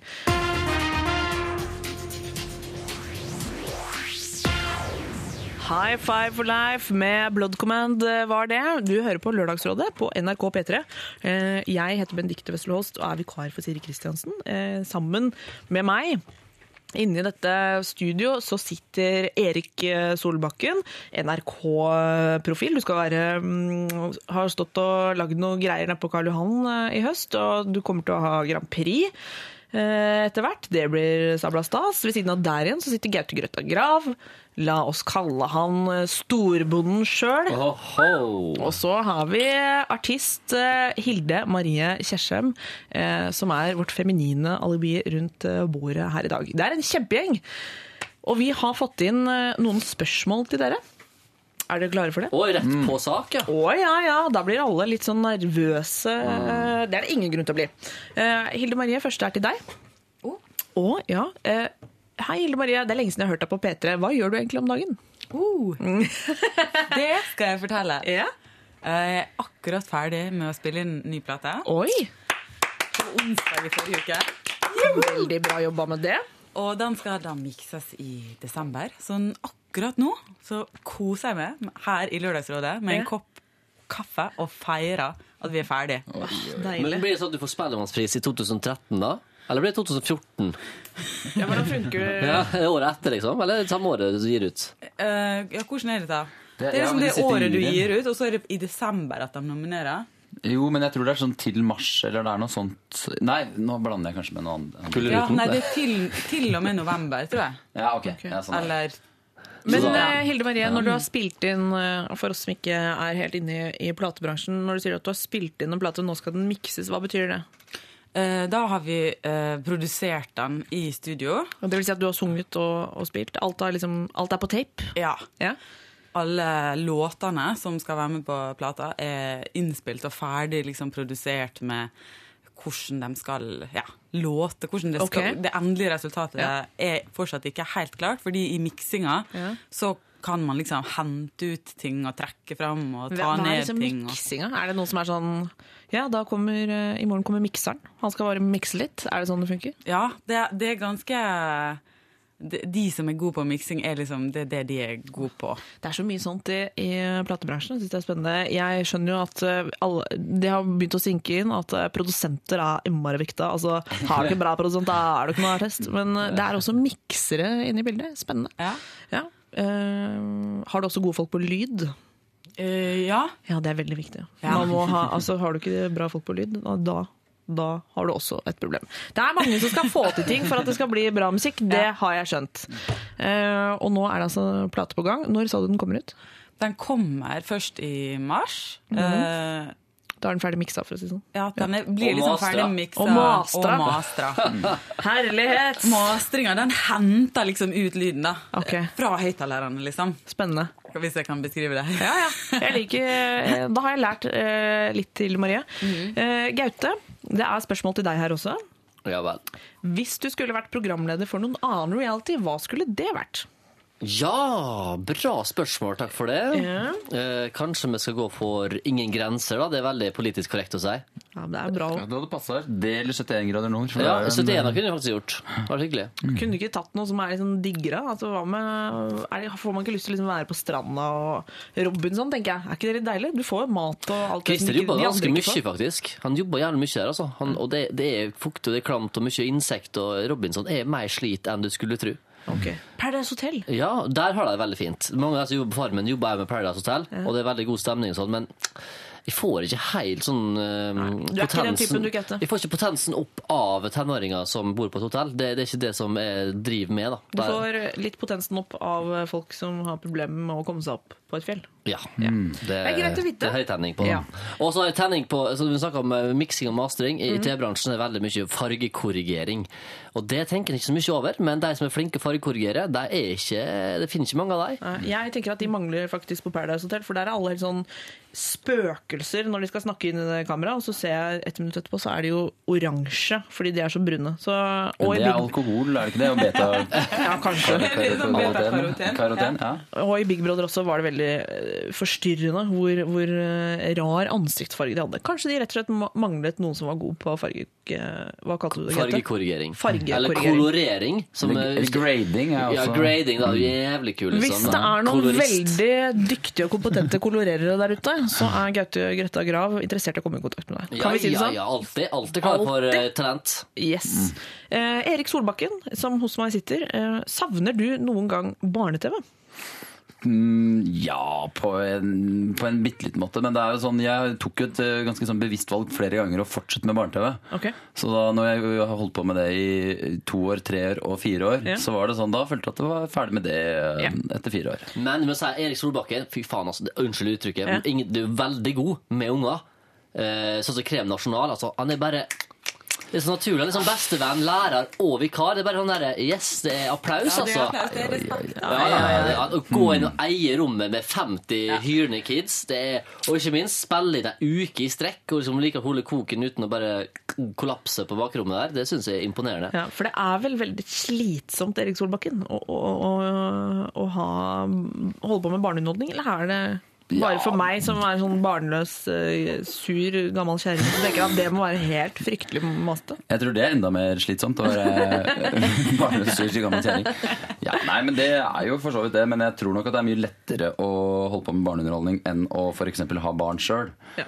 Så, fordi da du kan trekke deg ut når måte du har gitt dem masse sukker, og så Ja. er det sånn Å, shit, nå er de hyppere. Nå stikker jeg. Ja, okay. Det kommer til å bli Det er ikke sikkert du klarer å holde hele den eh, den auraen av den perfekte eh, mannen i møte med barn, når du en gang får dine egne. Nei, det er sant. Ja, det er gøy. Og jeg gleder meg til å se sånn Erik Solbakken sånn, tatt i et eh, øyeblikk på Sankthanshaugen i Oslo, hvor han bare klikker på sine egne barn fordi de slenger iskremen i bakken og har et lite sånn Å, det er nydelig. Det kan faktisk skje. Ja, nei, det- ja, ja, ja, ja.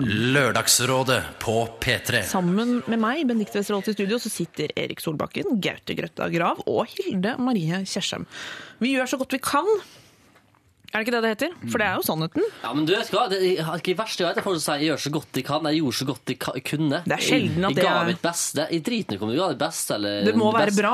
Ja, det må være bra nok. Det var bra nok, ja. Altså, de, det lærte jeg på lærte ikke, lærte, Jo, lærte jeg en god del på den Paul McCartney-skolen, og én ting var du skal at ditt, at din 80 altså Du Ja. skal alltid kunne gi 80 og din 80 skal være mer enn nok til at oppdragsgiveren blir fornøyd. Altså 100 det når du av og til, da får en megahit. Ja. Men, og, du og 110 det fins ikke, folkens. Altså, ja, ja, 110 Det er veldig godt at Gaute Grøtta Grav fra reality-bransjen sier at 110 ikke fins. Ja, da stopper jeg folk og sier du, ikke si det. du, ikke, alle sier ikke men noen sier det og sier «Øh, matbutikk 100% et maks. Det er et maks. Ja. Så det som det Gaute Grøtta Grav prøver å si her, er at det spiller ingen rolle om jeg gjør så godt jeg kan. Det viktigste er at det er bra nok! Ja! Og det prøver vi at det skal være. Men jeg kan berømme deg, fordi jeg liker veldig godt når, når radioprogramledere sier akkurat hvor mye klokka er. Ja, for det bryr man seg litt om Ja. når man lytter på radioen. Og det jeg pleier å tenke da, det er at ok, den, den klokka som vi har her Mm. i kringkastinga, som nå viser 10.53,40, den, er, altså, den er fininnstilt Den med er så sola. nøyaktig, den. Så da pleier jeg alltid sjekke min egen klokke. Se, ok, da kan jeg skru det en, et minutt tilbake. Ja, ja, ja. Sjekke, det er det som er den reelle tida. Jeg er helt enig, og det er faktisk sant. Public broadcasting på sitt beste, vil jeg si. Ja. Absolutt. Eh, Jeg snak, sa rett før Adele eh, hadde et lite show her, så snakket jeg om at eh, neste problem er, kom, handler om en venninne som skriver til oss, eh, og er litt bekymret for sin egen venninne, som er i ferd med å bli veldig tykk. Spørsmålet er, er dette noe man Altså, hva gjør man, og, og, og gjør man eventuelt noe i det hele tatt? Det skal vi prøve å finne ut av her i Lørdagsrådet. Eh, Først skal vi høre hva vår innsender sier. Kjære Lørdagsrådet, jeg er en jente som lenge har bekymret meg for noe jeg tror de fleste andre der ute kan kjenne seg igjen i, nemlig overvekt i vennekretsen. Spesielt er det bestevenninnen min jeg tenker på, eh, for hun begynner å bli mer enn bare litt lubben. Dette er utrolig trist, for hun er utrolig søt og morsom jente, og jeg er sikker på at hun kan klare hva det skulle være. Dessverre er det altså slik at hun nå er i ferd med å bli ganske tjukk, rett og slett, og jeg er alvorlig bekymret for hva dette kan gjøre med både helsa og framtidsmulighetene hennes. Det er utrolig frustrerende og trist å være vitne til, spesielt med tanke på at hun alltid har vært litt rund, eh, og aldri vært verken tynn eller slank. Selv har jeg også vært på vei til å bli ganske lubben, men jeg tok tak i det for et par år siden. Har nå en helt normal BMI og føler meg bedre enn på lenge, noe jeg, vil også, noe jeg også ønsker for venninnen min. Med fare for å virke overfladisk vil jeg også poengtere at hun faktisk er en veldig vakker jente, som helt sikkert kunne fått hvem hun ville, hadde hun bare snakket seg litt. Grann. Jeg er redd for at hun skal bli såret og lei seg og bare øh, oppfatte det jeg prøver å si til henne som kritikk, ikke som et ønske om at hun skal ha det bra med seg selv. Selv nevner hun det aldri. Det eneste jeg kan huske å ha hørt henne snakke om, er at det er mange som er store i familien, både på moren og farens side. Hvordan kan jeg fortelle henne på en skånsom måte at hun kanskje må begynne å tenke mer på vekta si enn hun gjør nå? Er utrolig glad i henne og ønsker henne alt det beste i verden. Eh, skriver vår innsender. Oi, oi, oi, det er et minefelt dette her med, med vekt, og, vekt og vennskap. Eh, vanskelig. Er det i det hele tatt lov å ta opp, eh, kjære lørdagsrådgivere? Jeg har i hvert fall litt pro eh, Kanskje jeg kan si et problem, eh, fordi at jeg går rundt eh, i min egen krets.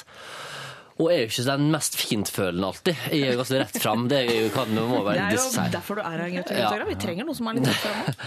Og da sier jeg sånn først så, Hei, hvordan går det? Navnet på venn. Og så sier jeg Hvordan går det med treninga?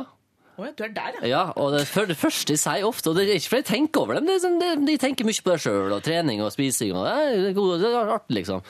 Og da er sånn folk Nei, det går jo til helvete, det, eh, sier folk da. Det, takk for at du nevnte det, liksom. Jeg bare Å, fuck, sorry, det var ikke meninga. Det er bare naturlig for meg å snakke om, da. Eh, så da skal jeg bare trekke meg rolig tilbake, og ikke snakke så mye om fintfølende ting. For jeg skjønner det. Men kanskje det er en strategi, Gaute? Kanskje er det så farlig å spørre om sånne ting? Det som er positivt, da, er at jenta her sjøl har vært litt lubben og har gått ned og hatt et prosjekt på det. Hadde hun vært en Tone Damli Aaberg så jeg syns du skulle slankere litt, så til hun venninna, det har blitt litt rart. Her har du en gulrot. Ja, å, kos deg med den! Ja. Jeg, tenk, jeg tenker Det som ikke kommer fram her, er om uh, hun venninna har lufta uh, problemet. Hun Hvis hun syns det er et problem.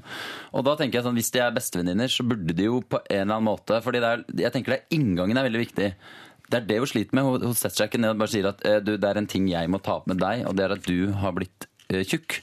Det tror jeg ikke hun vil, og det skjønner jeg godt. Men det går an å snakke altså Hvis de er bestevenninner, så synes jeg det er rart hvis ikke de kommer inn på temaet. Uh, hva man går og tenker på. Da kan det hende at det er noe hun tenker på. Og hvis anledninga byr seg, det, det tror jeg hvis du finner en god prat der, så kommer hun til å si at uff, nå har jeg lyst til å gå litt ned i vekt. Så kan du være på en måte eh, den som løser problemet. Eller være sånn OK, du sier det. Ja, fint. Hva med at Ja. prikk, prikk, prikk? Og der er det på en måte såre enkelt. Da er det å trene på en eller annen morsom måte. Det finnes jo veldig mange blad med artikler og slik går det ned, slik blir det attraktivt, Ja. bla, bla, bla. Og her ligger den tilfeldig ned og så sånn Ja, hva syns du om den? Ga- Gaute kjører den linja. Hilde Marie, du rister du på hodet, eller hva tenker du selv om dette? Nei, det er jo veldig Er det et minefelt? det, det kan være det. Men jeg tenker at det trenger ikke å være så veldig vanskelig å komme inn på det. For det er jo et enormt sånn skjønnhetsidealpress fra, fra mediene. Ja. Altså det, det er jo ikke et vanskelig samtaleemne å komme inn på. Nei, føler man seg på- fin Jeg føler meg fin sånn som jeg er nå, men for en liten stund siden så følte jeg ikke meg så Mm. fin og følte Blir man liksom påvirka? Altså man kan jo snakke om det på mange måter for å liksom prøve å se Man kan se på en avisforside og så ta det derfra. på en måte. Altså det, dette omgir oss jo hele tiden med, med altså Fokuset på vekt er jo sånn Da kan man jo dra opp det helsekortet, nærmest. For det er jo noe man blir bombardert med. Altså hvor viktig det er for helsa å være normalvektig. Man kan jo bli helt uh, sliten bare av det, men du, du mener at du kan liksom ta fatt i hva som helst, egentlig, fordi det omgir oss som tema hele tiden, så det er ikke så vanskelig Ja, å komme å inn på praten. Ja, i hvert fall for å komme inn på praten, for å se hvor hun, ligger an i løypa, og hvor, hvordan hun tenker om seg sjøl. For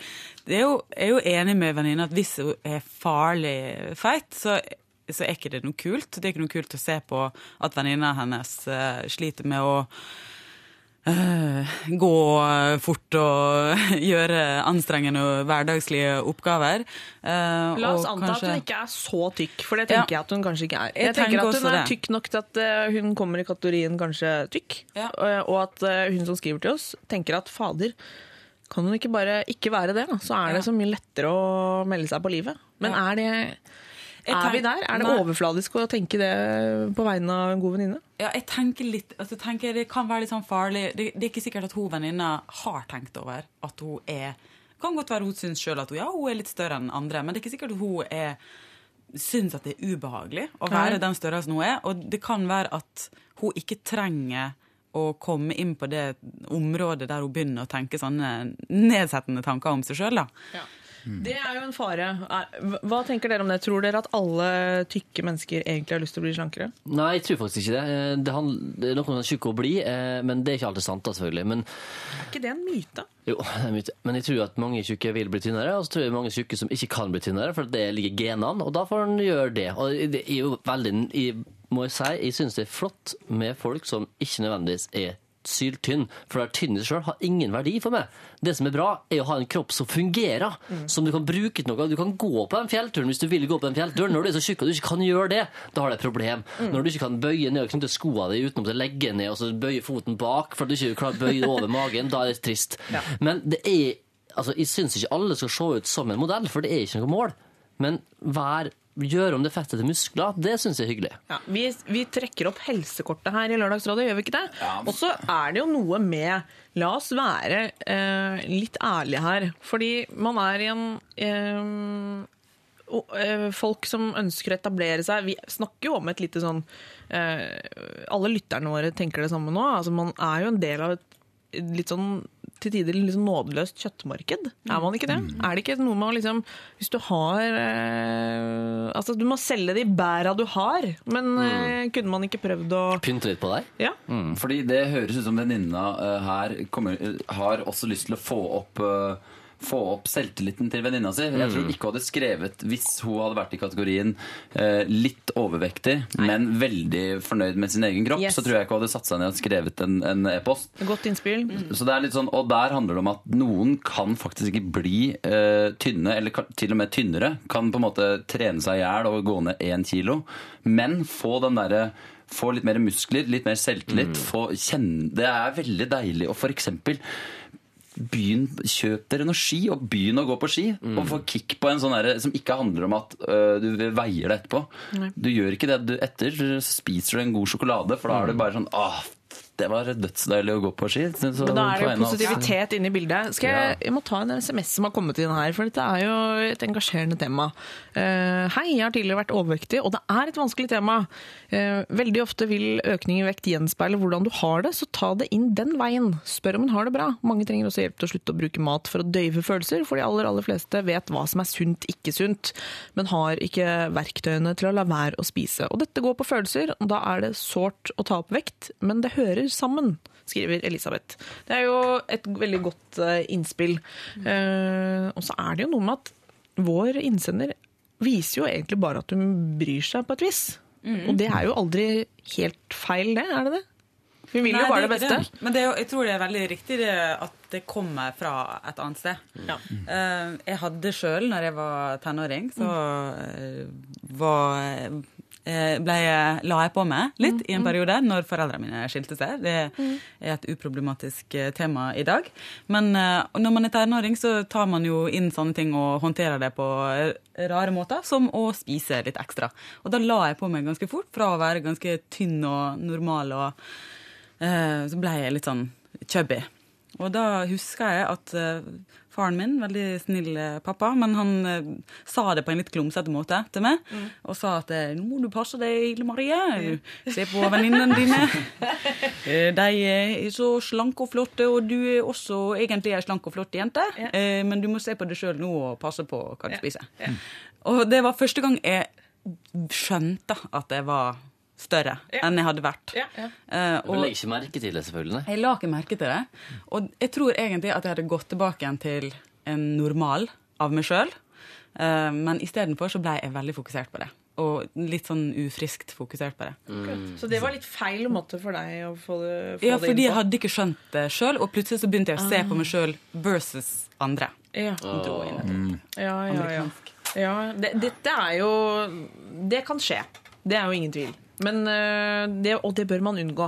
Så Derfor er tanken øh, Man må gå inn på en annen måte enn bare i direkte konfrontasjon på sånn Hei, jeg ser at du har lagt på deg. Eh, Gå heller inn på en annen måte. Bruk deg selv som eksempel hvis du selv har lagt på deg, eller tenker at at du har noen sånne verktøy til å gå inn for å snakke om følelser. For følelser og vekt, det henger åpenbart sammen. Men det er en fordel at hun har vært tjukk sjøl, hun venninna. Altså, for da har det, det er kjempefint. Så Ja. har det som en er personlig erfaring. Og jeg Mm. følte meg så bra når jeg spiste så mye, og, eller omvendt. Og så jævla, ja, Jeg fint. håper bare at hun er et sunt forbilde. For det er ofte at uh, Ja. hvis, du, hvis hun er veldig nazi på kosthold og trening og er en sånn uh, raider alle treningsstudioer, så, så kan det hende at det er ikke du må, Hun må gå i seg sjøl og tenke er jeg den riktige personen til å hjelpe henne også. For hvis det er sånn et kjempegap mellom de to, så kan det bli ganske Da blir det ikke en koselig langrennstur i skogen, liksom. Da kan det bli pes. Men det kan også være fint å vise at dette her er en ting vi kan snakke om, Ja. og at det ikke er noe far... Fordi det, det, det er verre, tror jeg, hvis du begynner å slanke deg, og du skal slanke deg i skjul, og du syns det er flaut. Ja. Du vil ikke si det til noen, fordi det er, kan være litt flaut å slanke seg. Ja, men herlighet, hele Norge prøver å slanke seg, stort sett da. Minus Gaute og Greta Grav som sitter og er en liten spjerning på hjørnet. Eh, og som tør å gå i direkte konfrontasjon med alle vennene sine som han syns kanskje har gått opp litt grann i vekt. Så sier han Nei, så tjukk du er blitt! Hvordan går det med treninga? Eh, og det Koselig. det funker så mange- Gaute. Har ikke så mange venner igjen, da. Nei, men det er godt å høre. Man skal, man skal trå varsomt der man eh, tenker at det er det riktige å gjøre. Og så må man ikke bli helt hysterisk heller, for Gaute har venner som man kan kødde med, og, og spørre om hvordan det går med treninga. Man må ikke bli livredd. Uh, men bruk nå magefølelsen, og så er det jo i hvert fall ikke noe sjeldent å gå litt opp i vekt og prøve å kvitte seg med det. Det kan jeg bare kaste et blikk på magasinforsider og aviser og se hva folk flest driver med i disse VG dager. har en egen vektklubb, liksom. Ja, ja, ja. Dette er Big jo business. Yes, Så det er i hvert fall ikke noe man er alene om. Det kan man vel slå fast. Lykke til, da. Vi vil jo gjerne høre hvordan det går.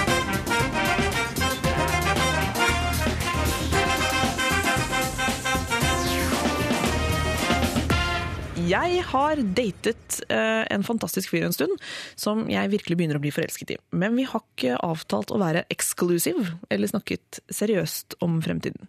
Problemet mitt er dette kolon. Sist jeg var på besøk til han, kikket jeg litt på tingene hans mens han var på jobb, og kom da over en bok hvor han har notert alle han har ligget med. Nei. Og noen kjennetegn om hun var pen uten klær, osv.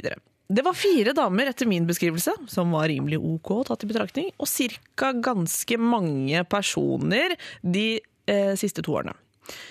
Eh, altså ca. ganske mange. Det var, eh, eh, det var mange personer de siste to årene. Tydeligvis en fyr som har lest The Game. Jeg sa ingenting til ham, for jeg visste rett og slett ikke hvordan jeg skulle reagere. Bør jeg ta det opp neste gang? Er han seriøs, egentlig? Hilsen forelsket. Kan jeg bare, før vi begynner å, å ta Ja. hennes parti, bare si en ting? Eh, ikke drive og skrive ned alle du ligger med. Det er, du, hva skal du med det? det er, jeg må innrømme at jeg også har kompiser som har uh, på sånne notater på mobilen og sånne ting. Å, herregud. Og det er, jeg vet, må det kan innrømme at jeg har kompiser jeg, som har gjort det. ja, og det er, det er morsomt når det er sånn Trude Lise ting. Det, men det, du, kan, du kan virkelig ikke bruke det til noe. I hvert fall ikke når du skriver 'hun er kjempedeilig' og 'jeg er så Da skriv en, eh, skriv en selvbiografi om hvor herlig du er istedenfor. Det er jo en imponerende systematikk. da. Kanskje han har samme systematikken i, i sokkeskuffen, og da er det jo kanskje verdt det. Jeg vet ikke. Det du holder deg til hodet. Ja, det er jo selvfølgelig veldig pinlig å bli tatt i sånne ting. Du må jo for guds skyld i låse inn denne fuckings boka. Ja, ja, ja. Om jeg skal drive med sånt der. Jeg så et teaterstykke en gang. Eh, Det var faktisk på Romerike folkehøgskole. Da var det en fyr som sa ehm, jeg vil ikke våkne opp, være 80 år og ligge med for få damer. Så kanskje han er redd for å bli senil. Så bare se at ja, ok, puh, jeg har fått ligge med 20 stykker eller 10 eller hva det er. Her, da. Ja. det, er men, men det er jo ikke bra. Men fram til du er 80, så har da barn, barnebarn og barnebarn og barnets barn lest den boka, og du har blitt konfrontert med sånn Du, farfar, her er en bok med masse damer hvor det står at uh, hun var blond og hun var uh, lubben, men koselig, liksom. Ja. Jo, det er det jeg ligger med, kjære barn. Hva tenker du, Hilde Marie? Du har ikke en sånn bok selv? Nei, akkurat dette Du skriver sanger om den, du. her kjente jeg at jeg syntes var litt sånn Folk har fritidsproblemer, altså. Ja. Og folk er stygge i pæra si som holder på med sånne ting. Ja, man, skal ikke, man, skal ikke, man skal ikke skrive ned. Nei. Det, kan jo, det så ut som det var, for så vidt. Det skal sies da, Denne fyren som hun har involvert seg med, eh, det virket jo ikke som han skrev på en måte stygge ting om de han hadde Han har bare rett og slett loggført antall samleier de siste to år. Vi jobber jo, vi bor jo, eller lever i en sjuk verden, og vi blir jo bombardert av American Psycho og The Game og alt. Og det kan jo altså, forsvares at, at ungdommer og gutter og jenter tror at det skal være sånn. For det er jo det vi får høre og det vi får se av seg forbildene våre fra The United States. Ja, så du tenker at dette er noe vi, vi har fått eh, kan jeg, spørre, kan jeg spørre konkret ja, hvor gamle de er? De er i eh, 20-årene. Eh, og jeg lurer på, i begynnelsen av 20-årene, og det jeg lurer på er denne The Game. Er det et eh, konkret råd der, eller at man skal skrive opp eh, hvor mange man har ligget med? Jeg har heldigvis ikke lest boka, har heller ikke tenkt å gjøre det. Nei. Men jeg leser Pornopung av Mats Larsen. Den har jeg lest. Og kjenner han, og der er det liksom du hakker inn et, ikke i belte det hakker i beltet hver gang du ligger med noen, og så ligger med 100 på en, et år eller et eller annet, det er målet da. Og, 100 på et år, ja. Ja, er det 100, 100 så ligger med 100. Ja, jeg husker ikke Altså, det er akkurat. Men 52 helger i året. Du må stå på da, skal du rekke det. skal du? Altså, hun husker ikke lenge siden den boka, men poenget er at du skal nå det målet da. Og da er det som eh, jeg har blitt fortalt, eh, sex er ikke en idrett, eh, og det er viktig å huske på. Ja, Sex er ikke en idrett. Men kan det være sånn at denne fyren faktisk liker vår innsender? Eller er han, siden han loggfører antall samleier, er det rett og slett en fyr hun skal styre unna? Hva tenker dere der? Altså Det er derfor jeg mener at det er dumt å loggføre. Fordi folk ligger med folk. Det har de gjort i alle år. Og når du er singel og er i 20-åra, så ja, så ligger du med, ligger du med folk. Sånn, sånn Ja. er det. Og, sånn Og det er lov. Men det man skal vite, er at med en gang du går inn i et forhold, og de fleste av oss har lyst til å gå inn, inn i et forhold en eller annen gang, så er det ingen forhold som, eh, som eh, er tufta på liksom, ja, skal vi begynne i den enden, hvem har vi ligget med, og hvordan var det? Altså, det er en uskreven regel som er sånn, du har ligget med noen, jeg har ligget med noen, men vi driter i det. Vi tar det herfra. Det er å starte med blanke ark, ikke en eh, notatbok med å gå gjennom alle de damene eh, han har ligget med. Det er ikke en god, god start på det greiene her. Men samtidig- sies at hun ikke har eh, Han har jo ikke presentert denne boka for henne. Hun har jo faktisk rett og slett snoka litt. Det kan vi vel slå fast. Så dette var jo ikke ment eh, for hennes øyne. men- Nå har hun jo sett den, men har hun noen rett til å, å dømme han uh, av den grunn? Nei, la, ok, mitt forslag er la den boka ligge, drit i den. Ikke tenk mer på den. Eh, Men så ta opp med han gutten her at nå vil vi være eksklusive, eller være oss to, Ja. og så se om det går. Han er ung, altså. Hele begynnelsen av 20-åra, og folk gjør mye rart i 20-åra. Folk driver og røyker hasj og vet ikke alt de holder på med. De gjør mye rart, da. Han kunne drevet og kokt eh, crystal meth i kjelleren. Det gjør han ikke. Nei. Han har bare ligget litt rundt. Og, ja, eller, han, det er jo helt greit, men det, han har bare skrevet litt feil notater. Han har, altså, ja, han har kanskje en idé om at han skal bli den neste vet ikke, en eller annen sånn stor forfatter, og at det er kult å ha. Ja, ja, altså, det er mange prosjekter en har rundt 19-20-årsalderen som ikke tåler dagens lys en måned etterpå. Ja. Eh, Hilde Marie, tror du det er sånn for det at hvis man ligger med for mange, så, så, så mister man til slutt evnen med å liksom kjenne litt sånn etter når det er noe ordentlig bra?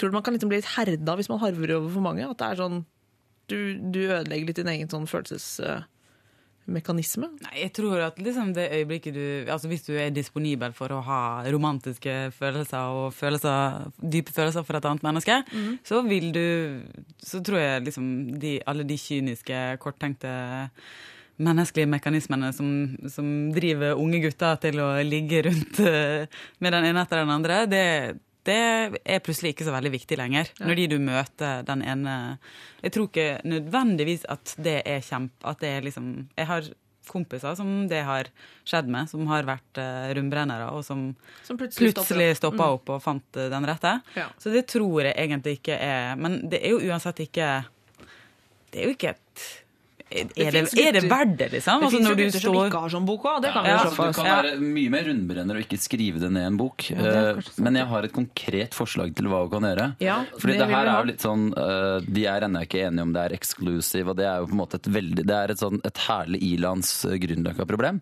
som veldig mange har. Når skal vi bli exclusive? Og bare sånn Det handler jo om hvor er vi i forholdet. Og hvis de kommer til enighet med at ok, nå satser vi på hverandre. Da vil jeg, eh, Hvis jeg var to, så ville jeg sagt at ok, det, det her er veldig dust, men jeg har skrevet en bok. Eh, Så kommer hun med sin egen notatbok. Eh, Det er veldig rart, men jeg, jeg har skrevet ned alle de, de guttene jeg har ligget med de siste, den, siste to åra. Og det er, det er sånn, det veit venninnene mine, og det er en, blitt en sånn, en sånn useriøs greie. Men den er jeg keen på å kvitte meg med nå, aktig. Og hvis han sier sånn 'Å, har du bok?' Ja, jeg visste ikke at det fantes sånne mennesker og sånne ting. Så er det, da er det runde to. Men da vil kanskje han si at 'ja, jeg har sånn bok, jeg også'. Kanskje det er noe. Jeg så for meg innspill, Erik, jeg så, i stedet for, Hvis du tar den 'Jeg eh, så i skuffen din', og det der er sånn Åh, lykke til. Så er det jo sånn jeg mener å ha hørt, at det er sånn jenter trekker fra antall sexpartnere, og gutter adder ofte. Så eh, en sånn uh, gyllen regel, visstnok, da. Jenter pleier å er det lov at hun bare, den boka bare forsvinner? Kan du bare ta oss og kaste den i søpla, eller bare brenne den? Han kan jo ikke spørre etter henne hvis han syns det. Nei, eller er det, det er litt over kanten, er ikke det? ja. Hun spør jo, la meg bare understreke, hun spør jo faktisk om hun bør ta det opp, og om han er seriøs. Syns vi at hun skal ta opp at hun har funnet boka? Nei. Nei.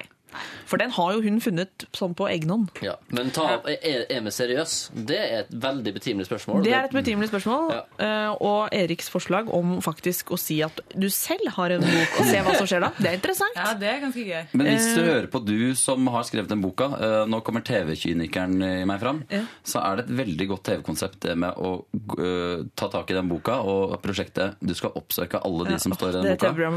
Og se hvordan de faktisk ser ut. For da får vi den myten om Er det sånn at, eh, er det sånn at eh, Finnes denne uh, russerinnen som han har skrevet om, som han traff i St. Petersburg? Da reiser vi dit, og så til slutt så innrømmer han at Nei, jeg har ikke ligget med så mange! Men Kjempekonsept. Og så, eh, det enda artig, for jeg gir sikkert terningkast kanskje på hver enkelt, så skal den han har ligget med, gi terningkast tilbake! Oi, oi, Oi, oi, oi! In your face! oi. Eivind Landsverk fra TV Norge, hvis du hører på nå, det konseptet skal på TV Norge i 2014. Oh yes, vi gleder oss allerede. Ja, det gjør vi. Eh, Det er umulig å si om eh, folk er forelska og seriøse. Det, det lurer vi jo alle på til enhver tid. Det er bare å spørre, da. Det er Er jo du bare å forelska og seriøs? Ja, helt enig. Spør. Feil svar. Nei, det Vi har er altfor dårlig tida på denne planeten Ja. til å gå rundt og lure på ting. Altså. Ja. Spør! Ja. Spør. Få det ut. Ja. Si I love you. Yeah! Go for it, Ja, Gaute! ja, ja. Yeah, yeah, yeah, yeah. Jeg skjønner duskedame inn her nå. Bare sett i gang musikken. Hey. Ja, kom kommer nå. Ja, ja, ja, ja, ja, ja, ja. Dette er en sang om kjærlighet, dere. Guilt med Nero Alama. Lørdagsrådet Guilt fikk du der med Nero og Alana. Send oss for all del SMS. Ah, folkens. Det er P3 1987, og på mail så når du fram til oss til, på lralfakrøll.nrk.no.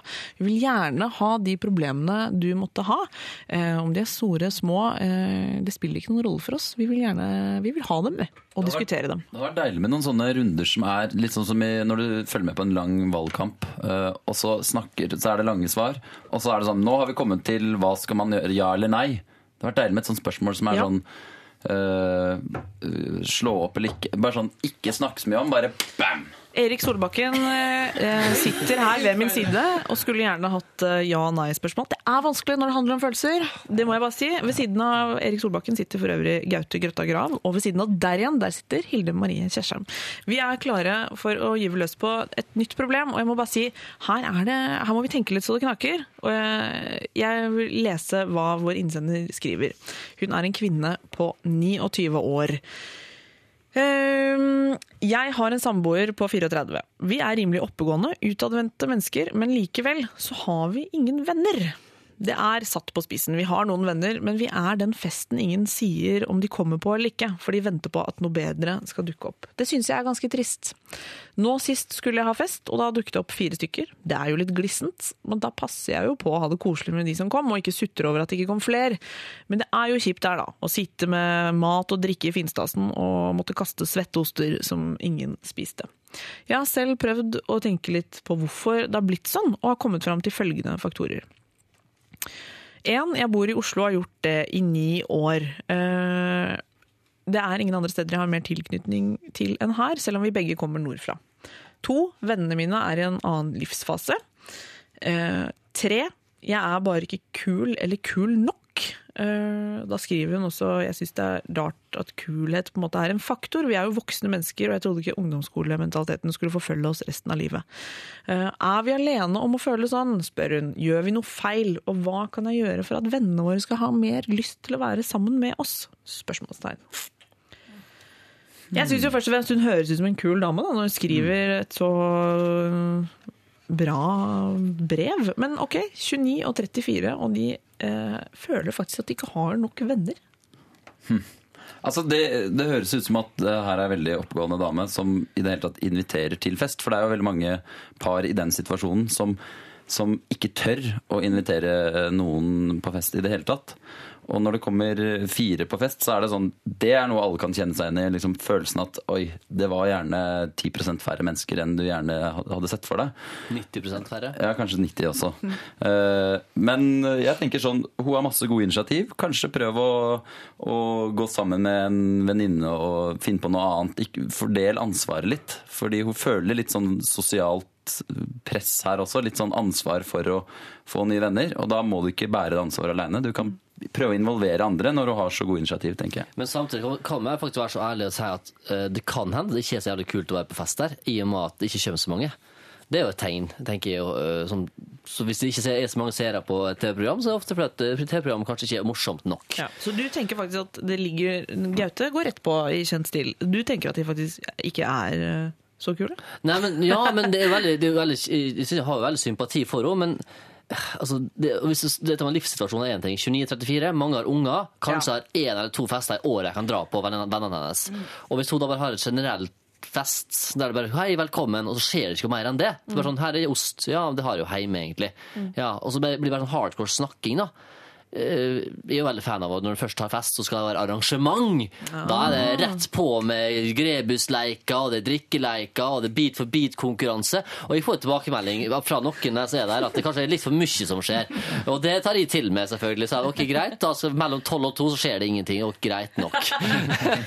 Men mange liker det at det er mye action, for da vet du at da blir folk godt kjent. Selv om du ikke kjenner, så må du bli kjent, dele på lag, la, la, la, og så er det sånn, å, litt sånn snakketid, og så er det på'n igjen. Og så er det nachspiel etterpå. Og det er kult. Men uh, Du tenker praktisk. Det er, ja. at, det kan ligge noe i selve arrangementsbiten. Men Gaute, hva ville du gjort selv hvis, noen, hvis du følte at uh, noen venner ikke hadde så veldig lyst til å være sammen med deg og kona? Jeg syns Erik sitt forslag var kjempebra. Gå sammen med to-tre andre og si vi skal lage fest sammen. Hva kan vi gjøre? Ikke nødvendigvis akkurat hjemme i huset deres, kanskje ta og gjøre festen hos neste venn eller andre venneparet.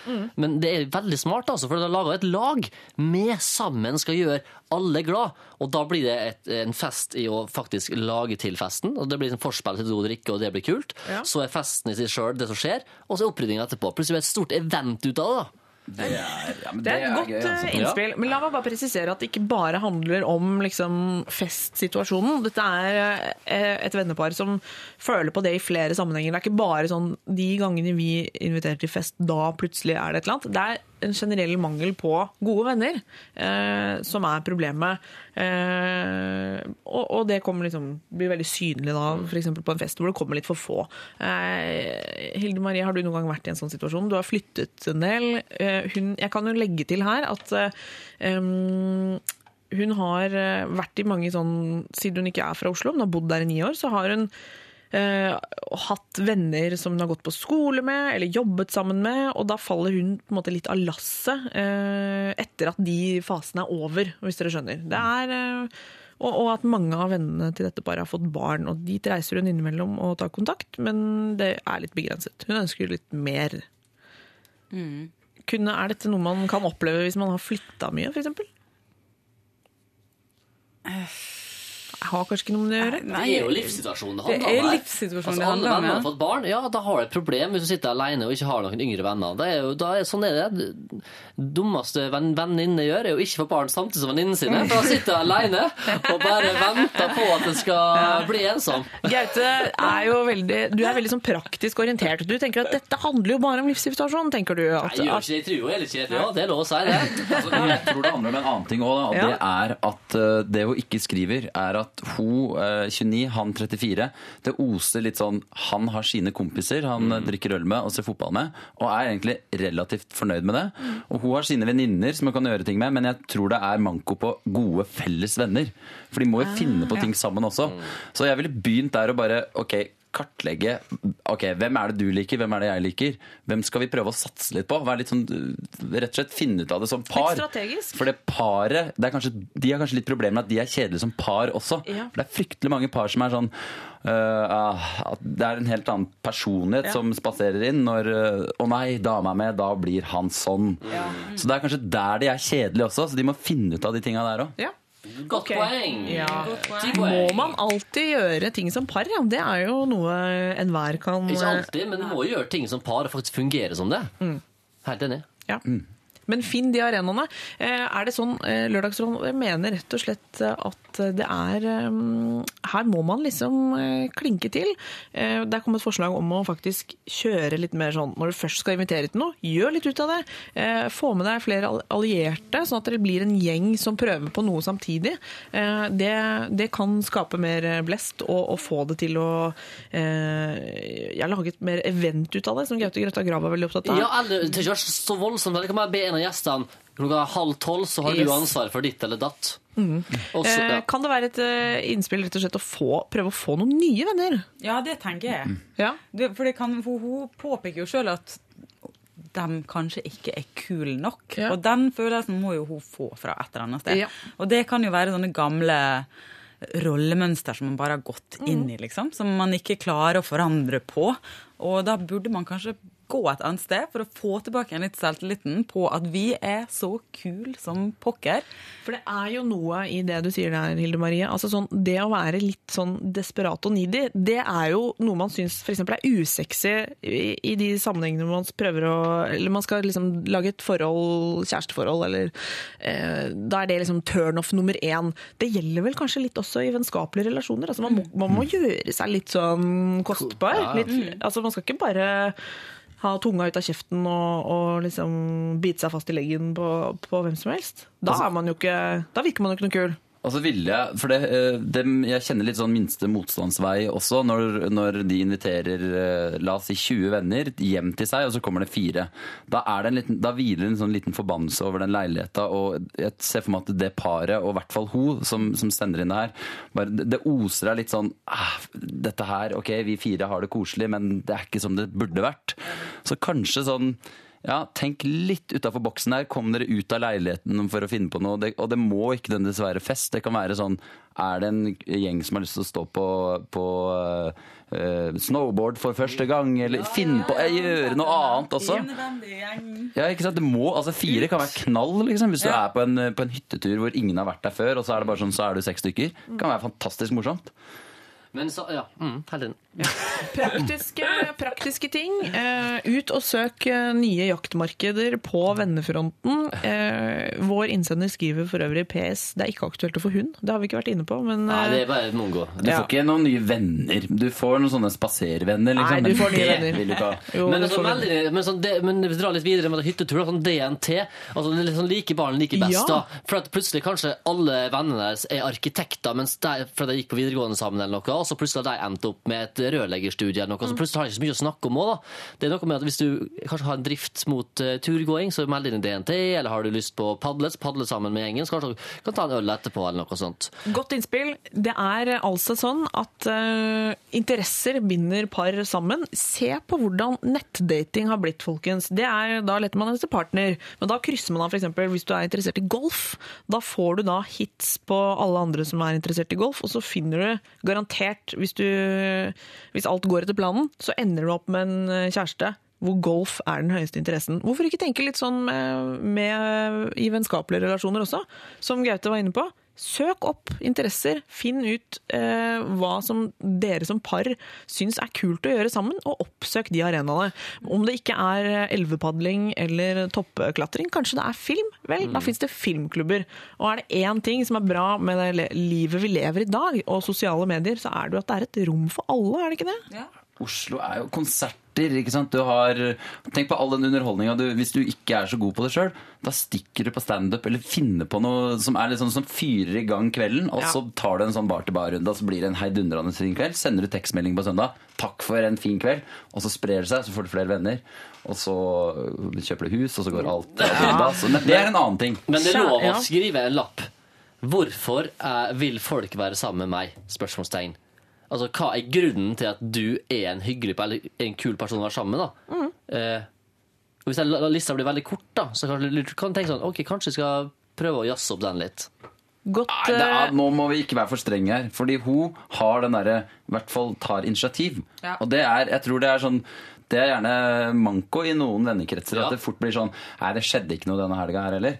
Så, men bare, bare hvis du piffer opp litt hva man finner på, så ser jeg for meg at det, det her kan funke. Ja, i altså. det, altså. Kjære innsender, du kommer til å få nye venner, for det er en hel verden av folk som venter på venner. Der ute er det noe folk har lyst på, så er det jo egentlig det. Og hvis du tenker at du er litt kjedelig, ja ja, kanskje du skal jazze opp noen sider av deg selv, bare for å være sikker på at du presenterer den beste versjonen av deg selv i møte med de andre. Hvis ikke så er det helt sikkert noen som syns at du, er, eh, du og din partner er helt perfekt å henge med i diverse situasjoner. Lørdagsrådet på P3. Matilda, 'When Something Ends', eh, en låt som eh, er virkelig populær der ute. Eh, Vi skal oppsummere mm, dagens problemer, for klokken er Den nøyaktige klokka vi har her i NRK, er 11.46,38.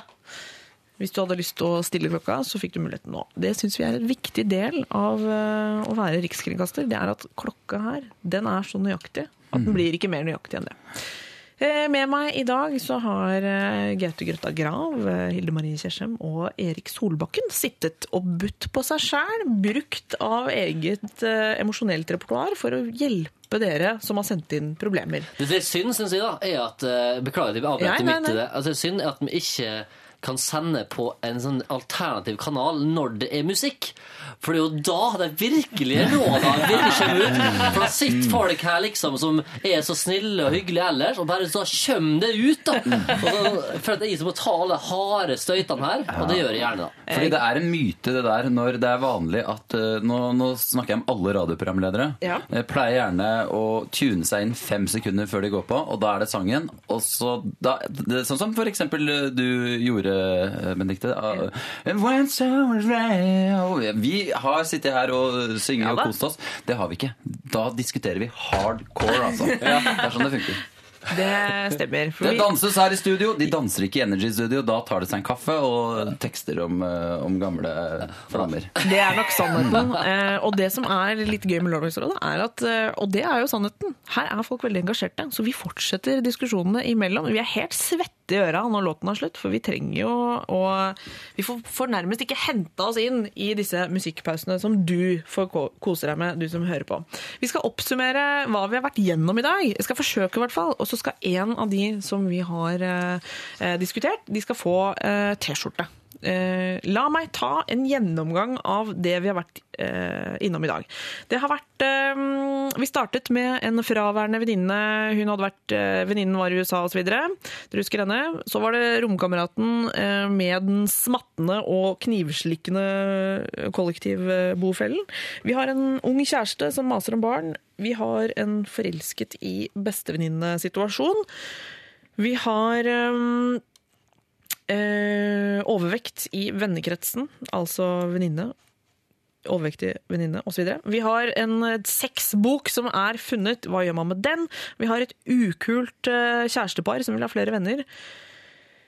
Og det er det vi har eh, rukket i dag. Det har Må ikke glemme flisa med fuge. Ja, Og så har vi hjulpet en som lurte på hvilken fugefarge han skulle ha. Den har vi løst.